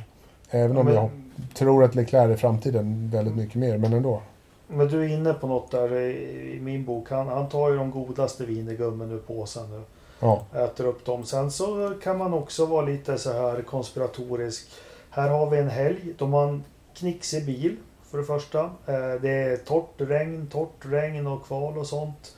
Eh, det är nog lite erfarenheten där också som han trots allt mm. har. Eh, jag står fortfarande, jag tror att när VM-tabellen summeras så tror jag Vettel har kört mer än poäng än Leclerc. Eh, på, ja. på tal om det du sa, såg du, du som har Sky, såg du den här väldigt öppenhjärtiga intervjun med Martin Brundle och Sebastian Vettel? Nej. Eh, De sitter ner och pratar faktiskt en kvart och han är inne lite på vad du säger att han är väldigt ärlig Fettel och, och säger att ja, när beskedet kom, han vet ju han är så pass gammal så att liksom ett beslut är ett beslut. Det spelar ingen roll vad jag säger eller någonting.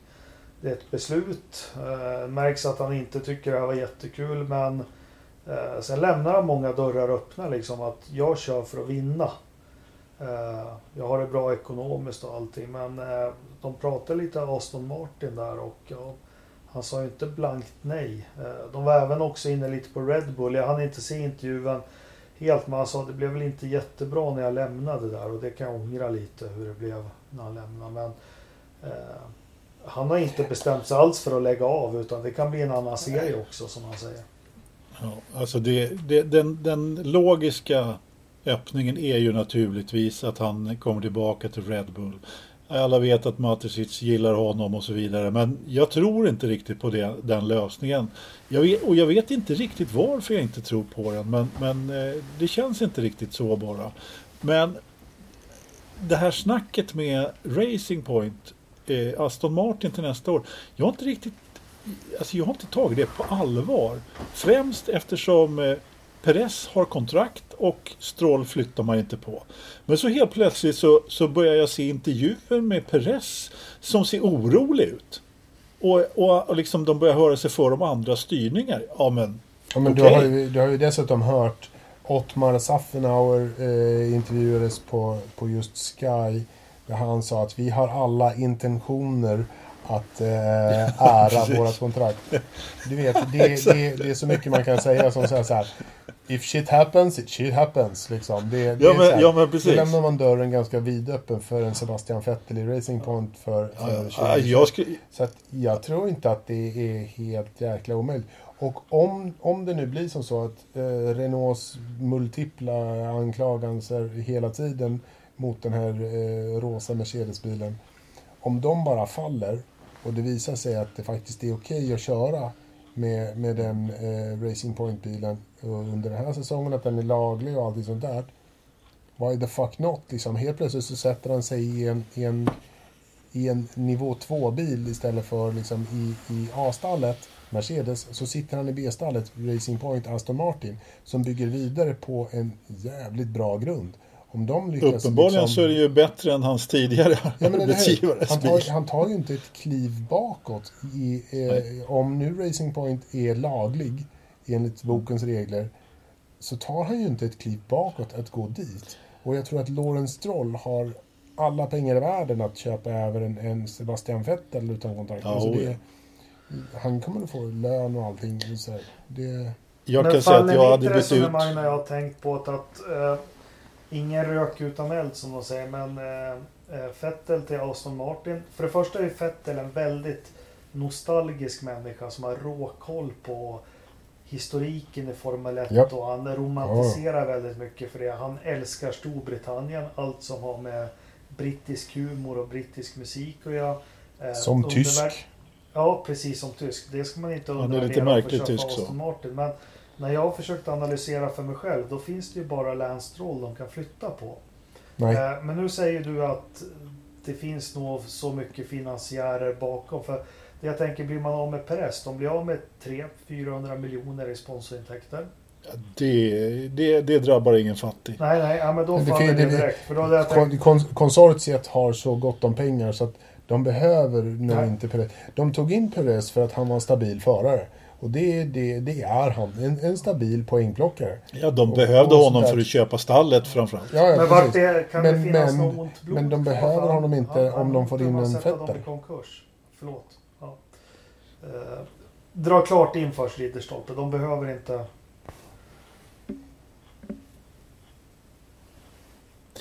Nej, precis. Eh, nej, men de behöver inte Perez och hans eh, sponsorer. Och, eh, det verkar väl som att han har hamnat lite i kläm där. Jag kan inte riktigt... Eh, jag blev väldigt förvånad för jag, jag trodde också att han... Ja, men det här kontraktet var på något sätt vattentätt. Men eh, helt plötsligt så har han inget vattentätt kontrakt med, med Racing Point. Så han börjar se lite desillusionerad ut i intervjuer och både det ena och det andra. Eh, hade jag varit pappa Stroll så jag hade i och för sig bytt ut vem utav dem som helst.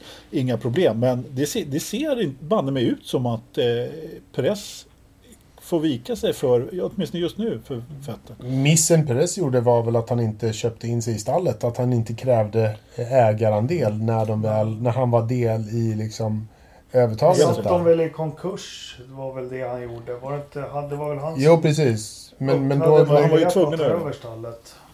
men, men sen liksom, han var ju också del i, i det nya. Och eh, missen som man kan se nu är väl att han inte liksom också ser till att få en del ägande i det hela så att han kunde åtminstone ha en corner i någonting. Liksom. Ja. Så För det, det, det som var väl, de skulle ju gå in i rekonstruktion eller vad var det?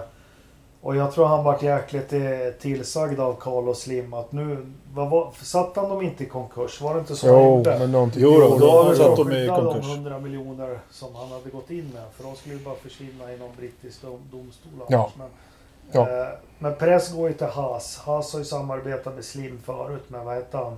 Esteban, vad hette han? Mexen som körde där. Nej. Jaha, per, eh, Guterres. Guterres ja. Eh, så de har väl ett, så jag tror ju att Perez hamnar i Haas i så fall då och Vettel i Aston Martin. Om det ska vara. Så vad ska Grosjean göra sen då? Nej, hans tid har nog gått förbi och vet du varför? För nu kopplar vi tillbaka till racet. Ridderstolpes flanellskjorte-idol, The Dansk. Tog ju. Kevin! Ja, och det var väl kul. Ja, Alltså, det är väl lite roligt. Ja. No, ja, men, eh, han gjorde ju ett han gjorde ju ett superlopp faktiskt. Absolut. Eh, det dansk. Han, han gjorde ett... Eh, han, han ska hyllas för det där loppet som han gjorde. Han, eh, de hade ett bra strategival även fast han fick straffet på 10 sekunder. Han höll sig där uppe och gjorde riktigt bra varvtider. Tog de striderna han behövde göra. Stred inte emot när, eh, när de snabbare bilarna kom, kom farande utan gjorde stabila varvtider hela tiden och lyckades liksom köra in på en, vad blev det, nionde plats till slut. Mm. Ja, och nu har sen de tagit den där, oavsett hur många den där jävla viktiga på slumppoängen som Williams tog förra året. Ja. Ja. Ja men så är det, Ja. så är det definitivt. Och ja, men just det här att eh, när man väl får chansen att ta den Så ska man till ta den. den. Ja precis. Och, och liksom ett så jäkla långt lopp och göra precis allt rätt som han gjorde där. Vilket Grosjean Inte gjorde. till, till, till början också såg ut att göra faktiskt. Men nej, han, han klarade inte riktigt hela vägen. Så stod han och skyllde och gnällde på allting i intervjuer som hade jobbat emot honom. Oh. Alltså, okej. Ja, men han var ihop med någon där. Mm.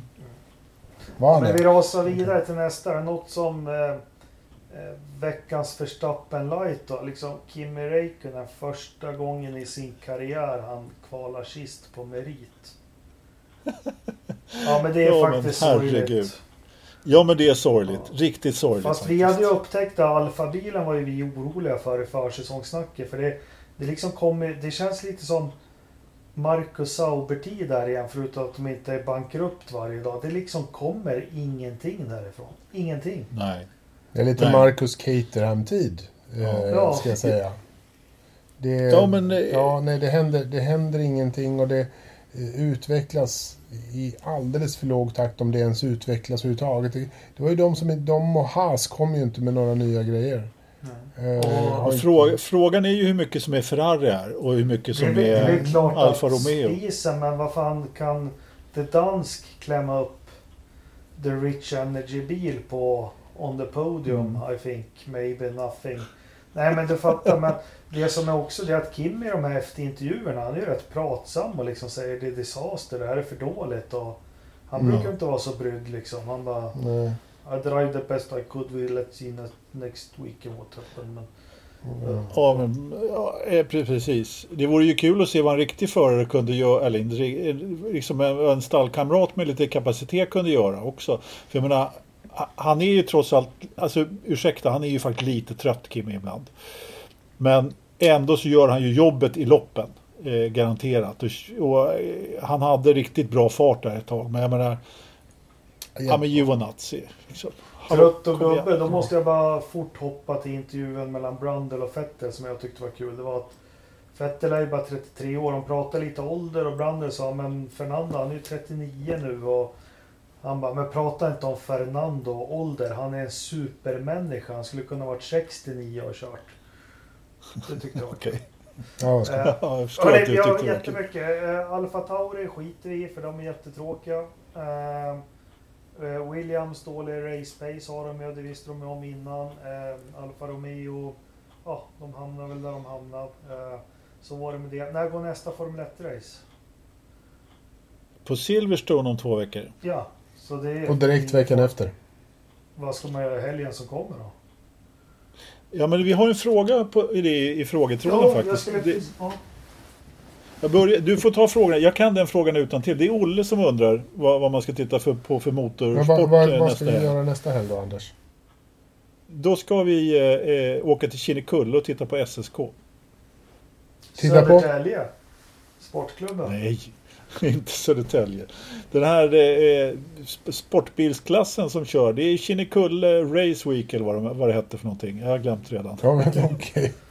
Ja men då får vi göra det. Du, innan du får din härliga utblick i, i världen så dammar vi av frågorna då. Är ni med? Ja, gör det. Mm. Kör. Eh. Ternström har ju hållit på. Eh, Ridderstolpe har svarat. Ternström har fortsatt. Ja, det var inte så mycket frågor. Eh, Ola hänger med. Eh, bra. Massor med frågor. Ja, Max. Varför slutar ni med Engelmarks kvart? Tyckte det var ett bra inslag. Återkommer kanske när det är off-season igen. Ja, det är tidsbrist helt enkelt. Jag, lo, jag har lovat så många gånger att jag ska igång med dem igen. Men det, eh, det, det, det kräver inte bara den här sju minuterna jag spelar in. Det kräver en, en kvälls jobb och jag har inte riktigt hittat den tiden. Men jag tyckte det var kul att göra kvartingarna och jag blir jätteglad att de uppskattade Så jag, jag lovar att försöka igen. Bra. Eh, Olof Laneryd. När började det rulla huvud i Ferrari? Ja, det är ju en jättebra fråga faktiskt. Och jag är förvånad att det inte har rullat några officiellt ännu. Men eh, det var ju någon som föreslog att man skulle ta bort de här, eh, jag vet inte ens vad de heter, inte Benotto utan hans chefer där. Det kan jag väl faktiskt hålla med om lite grann. Det är ju för fan inte Men, eh, Binotto som ritar bilen kan man enkelt säga. Nej, inte det heller. Men det förvånar mig om det inte börjar, om det inte börjar rulla lite snart faktiskt. Ja. Jag har inget att tillägga. Pontus Vedlund. Var håller Piqué hus? Och så han skickar med en underbar bild på Piqué från 70-talet. Jag vägrar att lyssna om inte Piqué är med. Ja, jag vägrar ju att göra den här podden om jag inte kan få med Piqué. Nej, men Piqué sitter hemma i Brasilien och säljer sin GPS-utrustning till lastbilar mycket framgångsrikt och är med i otroligt många eh, långa poddar och eh, videointervjuer på Youtube och Instagram live där nere i Brasilien som tyvärr inte går att få textade. Ja, han är ju ganska kontroversiell och en frispråkig herre så det skulle vara jättekul. Eh, ja. Olof Laneryd igen. Det måste vara ganska mycket fusk i 2019 års Ferrari Power Unit och alla som kör med den är sist och i nedre halvan på mittfältet. Vad är det för fusk de gjorde? Förstår tyvärr inte engelskan på förklaringarna. Det man tror, det här finns ju, alltså det är ju inte, det är inte bevisat men den, den mest eh, betrodda teorin det är att eh, inför det här nya reglementet så hade de två begränsningar. Det var att de fick köra med 100 kilo bränsle som sen höjdes till 105 kilo bränsle under ett lopp. Men sen sa de också hur mycket bränsle får du spruta in i motorn för det är det som ger eh, effekt. Och där satt de ett direktiv på att du får spruta in 100 kilo i timmen. Och för att mäta det som har haft ett flödesmätare, ni som kan er historia kommer ihåg att eh, Daniel Ricciardo när han blev Red Bull-förare kom han på prispallen i sitt första lopp för Red Bull i Australien på hemmaplan. Och det var faktiskt första diskningen för hans motor hade fått för mycket bensin. Det man tror är att Ferrari har hittat ett sätt bakom den här flödaren, flödesmätaren som FIA har sagt in, satt in. Där de dels kan lagra bensin från de här 105 kilo när du får ha när loppet börjar och använda den bensinen och spruta in över de här 100 kilo i Mm. timmen. Eh, Det är komplicerat att förklara men så har jag förstått det bäst. Eh, Jag, jag kan lägga till lite där. Det, det bara sticka in att det man tror är att man kanske har haft lite extra rörledningar helt enkelt där man har eh, liksom haft liksom lite extra behå, behållare eller liksom där man, har, där man har haft lite extra tank helt enkelt med bensin på andra sidan av den här mätaren.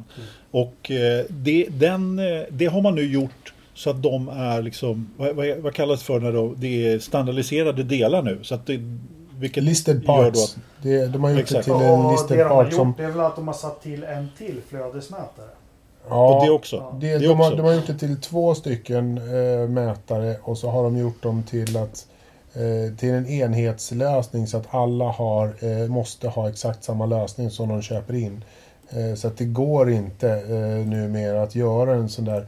Ja, för det, var, det var fler än Ferrari som hade hittat den där mellanlösningen med, med lite mellanlagring, alltså en liten extra bensintank. Eh, eh, väldigt liten, men ändå. Precis. Eh, Men en- så att, men nu kan man ta bort, nu har de tagit bort det, men det är väl det, eh, är väl det ena, så här flow, eh, så här flödesmätaren, att de har liksom hittat, hittade vägar runt det som sensorerna fortfarande inte reagerade på. För det gick fortfarande inte över de här 100 kilo i timmen som man kunde spruta in.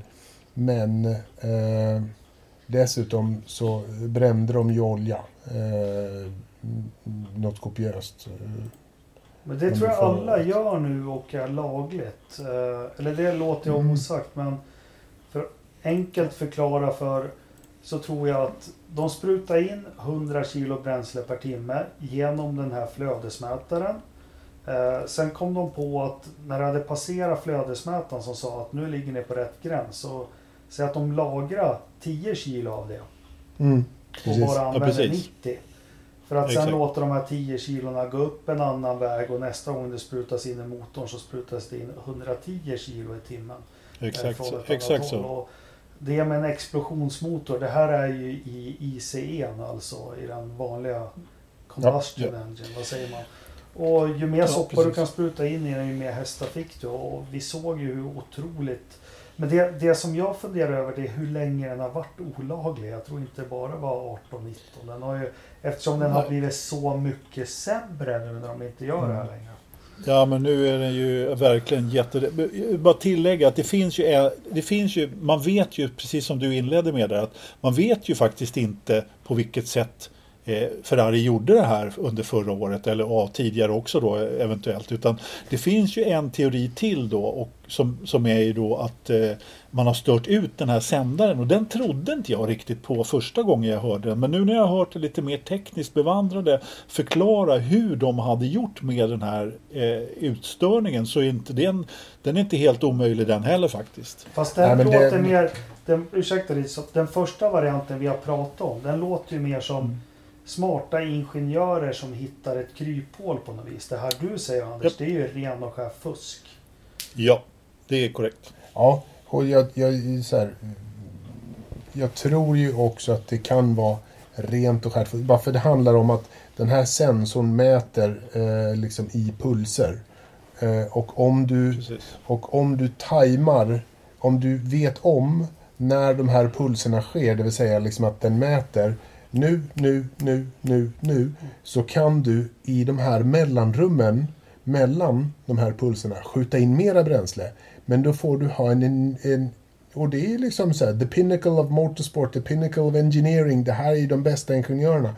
Så att de har ju säkert då lyckats hitta ett sätt att i de här mellanrummen skjuta in en droppe extra bensin i de här pulserna också, bara för det är ju statiska pulser. Och att lösa en sån sak, det är inte omöjligt att de har gjort det också, men då skjuter de ju in mer bränsle. Det är bara att det mäts inte och då går de ju runt reglerna på det sättet. Men det, det som blir alla de här jättebra förklaringarna jag har fått nu är ju inga förklaringar som jag tycker är nog så allvarliga för att man ska hålla dem hemliga. För det har ju ingenting Nej, med road relevance eller Ferrari som företag på sina hyperbilar eller något att göra. Utan, Äh, Det jag tror, alltså bara ren spekulation igen, det är ju att de har, har gjort både och. Och att Mm. blivit påkomna och gjort en deal med Fia. Det, det, det, är, min, eh, det är min teori. Men att Fia inte har kunnat, den här, den här första delen har de förmodligen kunnat eh, påvisa att Ferrari har gjort. Och den har egentligen inte varit olaglig förrän nu i efterhand så att säga. Medan den första har varit det, men det har de inte kunnat bevisa. Så att eh, det, det, är, med, det är vad jag tror. Pu- Pulsgrejen har ju varit ett regelbrott. Klart och Precis. tydligt. Men, men det är ju också jävligt svårt att, att bevisa att de har liksom Ja. lyckats göra det. Varför det. Men, men ja. Det är, väl, det är väl ja. någonting sånt. Per Ikander undrar, vad tror ni rör sig i Sainz huvud när Ferrari är i brygga och McLaren går från klarhet till klarhet? Lugn i stormen, så klarhet till klarhet har de inte gått än efter en doubleheader i Österrike. Men jag tror Sainz tänker så här, ja, de har en dålig bil nu Ferrari, men de har de här och de här resurserna. Den här och den här historiken. Eh, och jag tror oavsett hur bra det går för McLaren och hur dåligt det här går för Ferrari, att Ferrari har bäst lämpade och har resurser till att göra en vinnarbil över tid. Det var jag. Ja, alltså, Ferrari är alltid Ferrari. Det är ändå liksom, du är Formel 1-förare, kör. Om Ferrari ringer och frågar så säger du ja. Eh, Jag ja, lite typ.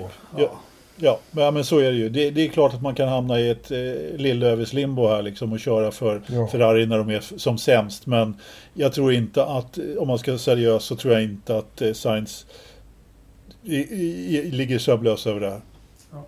Eh, Olof Lanerud, kommer Verstappen vinna något VM? Nej. Jesus Adam. Eh, jag vet inte. Jävla Mercedes som, som sätter käppar i hjulet hela tiden. Det är liksom så här, det är frågan om...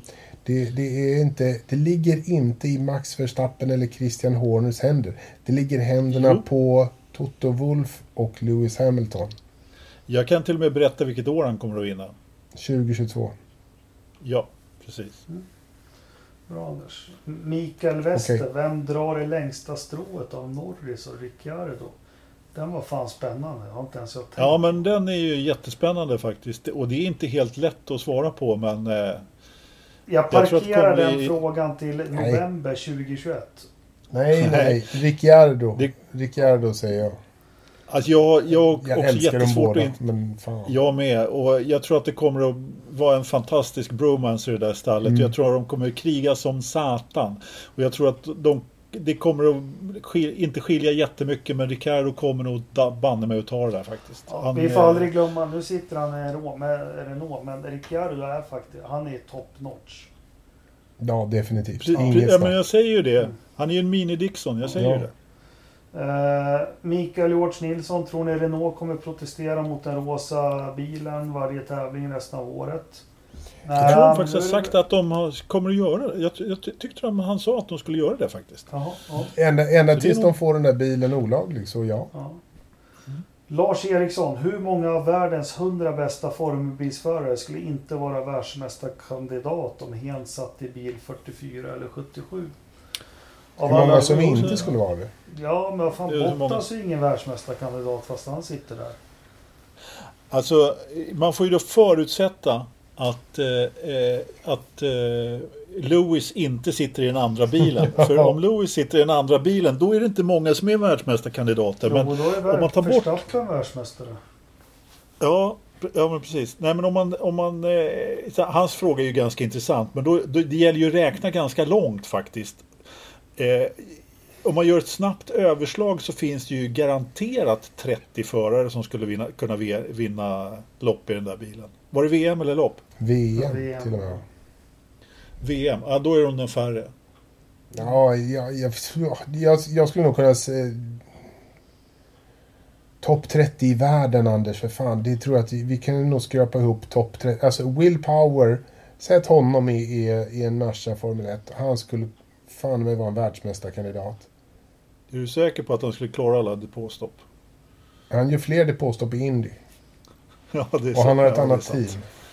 eh, Ja, det sant. jo, och, Jo, men- liksom, du kan ta, du kan ta Connor Daly. Eh, skulle, han skulle inte göra ifrån sig. Scott, Scott McLaughlin som vi älskar, som bara försvann eh, på grund av corona, ner, fastnade i Australien. Han skulle ju för fan också, han skulle ge Hamilton en match också. Alltså det, det är en drös, alltså den bilen är ju så sjukt jäkla bra. Men Ja, men eh, alltså just det här att vinna en VM-säsong är ju trots allt lite... Alltså om vi bara snackar enstaka vinster, då, då, skulle vi ju, då skulle det ju vara massor. Men eh, Mm. VM-serie att vinna med det motståndet, om, om man nu tar bort motståndet från den andra Mercedesen, skulle jag vilja Mm, säga. jo, ja. ja. men det kanske är så pass många. Jag, jag skulle vilja hävda att det, det, men det är som, så, så många som du räknar upp där. Det finns, ju, det finns många. Jag skulle vilja påstå att jag menar, ta vår svenska vän, herr Rosenqvist. Liksom. Felix skulle definitivt eh, eh, vara Han har med ju... här. Ja. Vi vet ju vad han... Jag menar, han, han klarar ju åtminstone Lance Stroll Ja. med Ja, likadan bil. exakt, jo men det vet vi. Vi går vidare då Sen till gammalt. Dan eh, Segolsson. Var det en ren tillfällighet att Stroll lyckas så bra med press nu när tydligen Vettel är på tapeten med att ersätta press? Eller råkar Stroll bara få den starkare motorn av pappa? Det var en ren tillfällighet. Eh, eh, vad heter han? Perez var ju sjuk. Sen så kanske Ja. pappa, pappa, vad heter han då? Lawrence? Lawrence. sticker åt grabben en liten, en liten vassare spis. Alltså det bästa av allt var ju faktiskt de här, ro, de här roliga memesen som kom ut när, när, när Lawrence Stroll eh, eh, annonserade att han skulle byta ut sin son. alltså att han, han skulle nu, nu var, nu var det helt plötsligt Sebastian Vettel som var hans son. Ja, precis. det tyckte jag var jätteroligt. Men det var nog en tillfällighet ja. Nej, men eh, ett lopp drar inga slutsatser. Perez mådde inte bra. Eh, vi vet inte hur illa det är med det. Eh, sist jag vet, ja men han stod ju över ett lopp. Men var det inte Gunnar Nilsson som hade ont i ryggen och ur, yr i huvudet? Var det inte så det började för honom också? Men, Tord Ringenhalm, vilket team ska pappa Strål köpa nu? Han behöver inte flera team. Nej. Nej, han behöver nog inga flera. Tord Ringenhalm, måste man lyssna på podden för att få svar på sina frågor?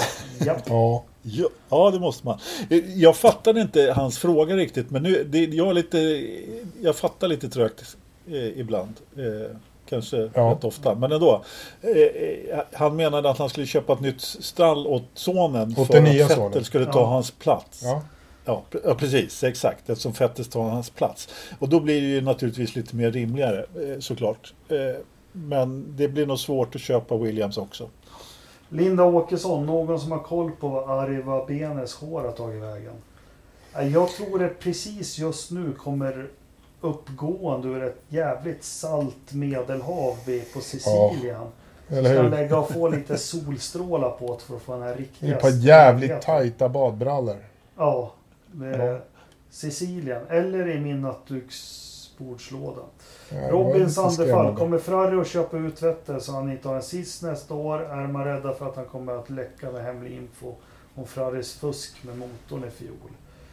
Nej, jag tror inte de köper ut honom och jag tror inte Vettel vet exakt vad det är för fusk med motorn. Det tror inte jag. Men köp inte ut det. så- Kontraktet var ju slut så Ja. de, de förlängde inte kontraktet. Det var det som hände.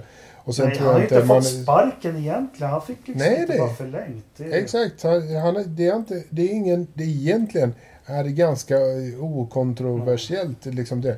Han fick inte förlängt eh, och så var det med det. Och, eh, liksom sådär. Men att han sen skulle så här, dra iväg några företagshemligheter. Nej, det gör inte Sebastian Vettel. Jag, Liksom. jag tror inte han vet vad som är fusket med motorn och skulle han veta det har han nog det mest vattentäta tystnadspliktsavtalet som någonsin har skrivits med, Ja. vad heter familjen nu som eh, i Italien? Agnelli. Nej, Co- Corleone. ja de där alla. vad heter maffian där i södra? De heter... Cosa Nostra. Ja, något sånt. Eh, usch. Eh, per Rikander. Om Vettel tar en sits i rosa Mercan och Perez blir erbjuden en sits i Haas. Vem ryker då av det dansk och grodätaren? Fransk. Det fransk, precis. Ja, det vill jag svara på. Ja. Anders Blomqvist. Är Strolls storhetstid här? Nej, det var det väl när han tog över Tommy Hilfiger agenturen i Kanada. Det var då hans storhetstid. Ja, det var då precis. Det var då han var på topp. Han blev coachad av eh, Felix. Felix i F3 var hans storhetstid. Uh, and, jo, men det är mycket. Han har ju gått mycket sista tiden hos Rob Wilson som jag har berättat om förut. Lance Stroll har varit där och kört väldigt mycket senaste tiden. För att lära Anders- sig köra bil. Precis. Anders Johansson. Gräver inte F1-stallen sin egen grav med alla protester och överklaganden? Tycker reglementet är för tok för strikt, gärna ett kostnadstak men sen måste utvecklingen få pågå och någon kommer alltid vara först med en ny idé. Tiden är för länge sedan ute för att vi ska få se en sexhjuling eller när Colin Chapman kom på kjolarna. Superkomplex fråga. Eh, Mm. Enligt det är mig- svårt att svara på kort liksom. Jo, det, men bara så här att regelboken är och alla när jag läser Adrian News bok och allting tycker att den är alldeles för strikt mot på 70-talet med problem med att vi har en utvecklingstakt i samhället och överallt som det måste regleras för annars skulle det komma jättekonstiga saker. Ja, och det nya reglementet som kommer nu 2022, det kommer ju också vara ännu mer strikt dessutom. Så att eh, det, det går inte att gå åt något annat håll egentligen som jag ser det och, och att Formel 1 ska överleva. Skulle man, skulle man liksom lossa på reglementet igen så skulle det bli då, då, det, det, när det är ohållbart i längden. Anders Johansson, för övrigt tycker jag att det är ett jävla tilltag av Kyle Busch att vinna både Truck och Xfinity. Lite som Ja. Hamilton skulle köra F2 och F3. Känns lite Ja. som att Det håller jag med om. bakåt för att nya förare ska få lyckas få sponsorer och komma uppåt. Vad fan, Jag du får med köra vad du vill. Är du bäst så vinner du överallt, eller? Ja, fast just att köra supportserie. Dessutom, så, alltså om inte jag är helt ute och cyklar så blev han dessutom diskad från senaste segern i den här Xfinity-serien för att bilen inte klarade eh, Reglementet. besiktningen Jaså? efteråt. Nej, besiktningen efteråt. Ja. Faktiskt. Jerry Maino, kan ni diskutera om 15 likheter mellan Bottas och Fisichella? Åh herregud. Jag har på och snackat i två timmar redan. Ska vi hålla på med 15 Nej, jag likheter kan med den på, fysik? de var, såg bra ut i dåliga bilar, mediokra i bra bilar. De vann något strölopp här och där. De trodde alltid att nästa lopp skulle bli deras. Eh, ja. Svårt att köra om. Ja. Ja. Lars Wisell, vad håller Trull i hus? Jag vägrar att lyssna om inte Trull är med. Vi jobbar på en intervju med Trulli. ja, vi, vi kämpar på det. Ni måste väl ändå ha, ni måste väl ändå ha pratat om honom när inte jag var med förra veckan. För jag är inte med om Trulli. Det är, en- det är en information som kommer nu, Anders. Okej. Ja. Pedro Hansson, Kimmys ama på Reddit måste ju vara lite historiskt. Att få honom att svara långa svar inför Racer social plattform sker ju inte varje dag. Ja men vad bra. Edith, ama betyder ask me anything och så en länk där. Ja den får vi titta på. Vad- På Reddit. Jag, jag, ja, precis. Men eh, enligt eh, en snabb titt på detta så var det inte sådär jättelånga svar. Men visst, ja, det var en rejäl utfrågning av honom där i alla fall. Bobby Sandberg, var det bara jag som tyckte att F1-racet var fruktansvärt tråkigt? Ja det kanske var det, men jag tyckte fan Iowa 2 var tråkigare. Fast- Ja, men efter Iowa... Ja, precis. Men man kan inte säga att det är Hungar och Ring. Vi har inte liksom, vi kan inte förvänta oss så jävla mycket från en ganska svåromkörd bana. Men det var ändå väldigt, jag tycker inte att det var ett tråkigt lopp så. Nej. Det tyckte inte jag heller. Jag tyckte det var väldigt underhållande. Ja. Framförallt i kontext då utav Iowa 2 naturligtvis. Men till och med en svensk Formel 1-kommentator, jag vill inte nämna vem, tyckte att loppet var tråkigt. Så att, eh, jag vet inte riktigt om, de såg, om ni såg samma lopp som jag. Jag tyckte det var väldigt... Eh, Det nej, men, grejer. Ja, men precis, det hände grejer. Sen Ja. var det kanske inte så spännande om segern då, då. Men det kan man inte förvänta sig när Lewis och McLaren gör som de gör. Liksom. Mercedes. Det var väl kul att... Ja men precis, sa jag McLaren? Mm. Det var en freudiansk. Mm. Eh, Nej men det eh, och- all, hela, hela hasgrejen där och nej, jag tyckte det var väldigt underhållande. Ja, vi sparar den bästa frågan till sist. Mikael Björkqvist vill bara tacka för en riktigt bra podd. Tack Mikael. Och vem var det Tack. som skrev förra veckan? Det var ju nästan så att man... Jag tror att det är samma kille. Nej, ja. Höjdpunkten var vår podd. Det var frågorna det. Anders, har du någon jävla utblick över racingvärlden? Nej, men- Så här, det har ju varit massor med både F3 och F2 i helgen. Oh. Full, fullt eh, paket. Eh, jag, nu har vi pratat så länge så jag tänker inte dra. Jag ska, jag ska bara dra två små saker. Det ena var i F3-loppet, det sista, eh, det andra loppet så, så eh, kör eh, den nya förstappen Bent, vad fan heter han då? Jag, till och med, jag, jag tappar till och med namnet på honom. Holländare? Bent, ja, Bent Wiskal heter han. Först får, han kör upp, det var ju lite halvblött och där och dant liksom. Han kör upp sig, eh, klipper förbi vem det nu var på utsidan. Får ett straff, fem sekunder. Får ytterligare ett fem sekunders straff. Kör om ledaren. Eh, och lyckas liksom sträcka ut det här, de här fem sekunderna. Ja, då kommer ju det här nästa straffet då. Det ena straffet var väl helt okej kan jag ju säga. För han körde verkligen om utanför banan. Men det är ju som det är liksom. Eh, när det är tufft där på tight bana i Hungaroring. Och sen, eh, sen i alla fall, ja men då ligger han ju, då, då leder han ju loppet. Fullkomligt liksom dominerar. Eh, Och får ytterligare en femma eh, då. Ja, och så får han ytterligare en femma liksom. Och då, då har han ändå dragit ifrån David Beckman som han heter då, så, som ligger tvåa med, med sex sekunder. Eh, jaha, så då, då ramlar han ju helt plötsligt ner till eh, tredje eller fjärde plats då, då. Och precis då så är det något jävla blåbär som fixar ut en, eh, en safety car. Och Bernt Mailänder, han får ju jobba lite på F2 och F3. Framförallt när det är lite blött. Men det var ju så jävla typiskt. Så att de går i mål under eh, Safety. säkerhetsbil. Så han ramlar ju liksom ner. Han var ju sist i princip med sina 2-5 sekunder. Där. Nej, sist var han inte, men han, han var ju nere på eh, 17 plats eller något sånt där. Nej, det, var, det var lite trist att se verkligen med den farten han hade. Det var, det var, det, det var, det var liksom den ena taken på F3. Men sen på F2 så, så hade vi ju Visti då. Som blev, nej, eh, vad säger jag? Eh, eh, Vesti. Eh, inte Vesti utan, eh, utan eh, den andra dansken, Lundgård. Lundgård Mm. som i, blev brutalt, skulle jag vilja säga, avkörd utav Luca Giotto i första loppet. Jag vet inte hur han lyckades undgå den bestraffningen, Giotto faktiskt. Men eh, Lundgard kommer i så mycket högre fart och ska köra om honom. Och det var i princip en sån här Barcelona, vad var det, 2016 mm. mellan Rosberg och Hamilton. Så att det skulle vara därför då. Så Giotto han bara viker in och bara stänger dörren kapitalt liksom. Är alldeles för sen i sin blockning helt enkelt. Så att, ja, då är ju naturligtvis helgen förstörd för Lundgard som eh, får starta sist sen. Ja, Ändra loppet också. Men, Men ja. du, stopp ett tag. Jag ja. har faktiskt en grej till. Det var två grejer. En, en från F3, en från 2. Vi måste nämna äh, vet du, Linus också. Men det var ju det jag skulle göra. Ja, förlåt. Ja. Gör det. Ja, men kör du. Det här är ju din avdelning. Nej, men eh, eh, jag hade ju sett på lite, jag, kan, jag drar en liten kort historia.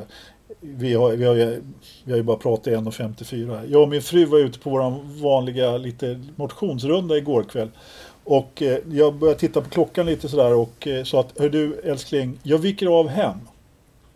Varpå hon eh, tittade på mig och sa Men det har ju redan varit Formel 1, vad är det nu då? Ja, men, jag måste ju titta på F3 och, och regionala F3. Ja, ni, den där himlingen med ögonen, den, kunde, den hördes ända till... Ja, ni förstår själva. I alla fall. Och eh, fick, fick ändå se ett, ett spännande lopp. Eh, första gången eh, på länge, eller på länge, men han var ju rätt hårt ansatt faktiskt av... Eh, vad hette han nu då? Eh, nyzeeländaren som, eh, som pressade honom. Jag har glömt bort. Jag har glömt bort. Äh, men han lyckades i alla fall ta sin femte seger på fem möjliga. Tre, tre lopp i helgen på den här banan i Virginia som är helt fantastiskt vacker faktiskt. Jag har kört den på iRacing. Den är inte lätt att komma överens med. Men det här sista loppet, han var ju hårt, hårt pressad loppen innan så kom man ju loss lite grann i alla fall. Och, och, så har de ju dessutom inte kameror i alla hörn på de här eh, Youtube-sändningarna då, som, mm. eller vad det är för någonting som de kör. Så att helt plötsligt så försvinner de ut över ett krön liksom och så ser man en stor upplåsning och så får man vänta liksom, som det känns en halv minut liksom innan nästa kamera fångar upp dem på, på start och mål. Liksom. Ah, det var spännande på slutet där faktiskt. Ja, Men, alltså får... fem av fem. Liksom. Fantastiskt. Det är aldrig fel att vara en vinnare. Sen skitsamma Nej. klass där. Alltså han behöver ju någon, eh, någon sugar daddy där som kan eh, Men vem är, få vad, på honom vad lite. får man för, vad är vinsten i uh, FR Americas som han kör? Är det en Indy Light-styrning? Ja, som jag har förstått det, ja. ja.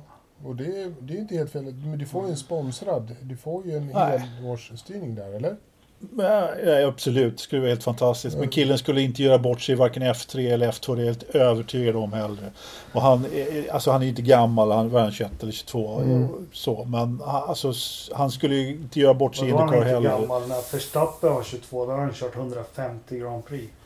Ja. ja, men det är det jag menar, att han är ju inte han är inte 18 liksom som många av de andra killarna på väg upp. Så han har ju haft, han har ju ganska stor likhet med Felix karriär fast Felix fastnar ju i F3 då.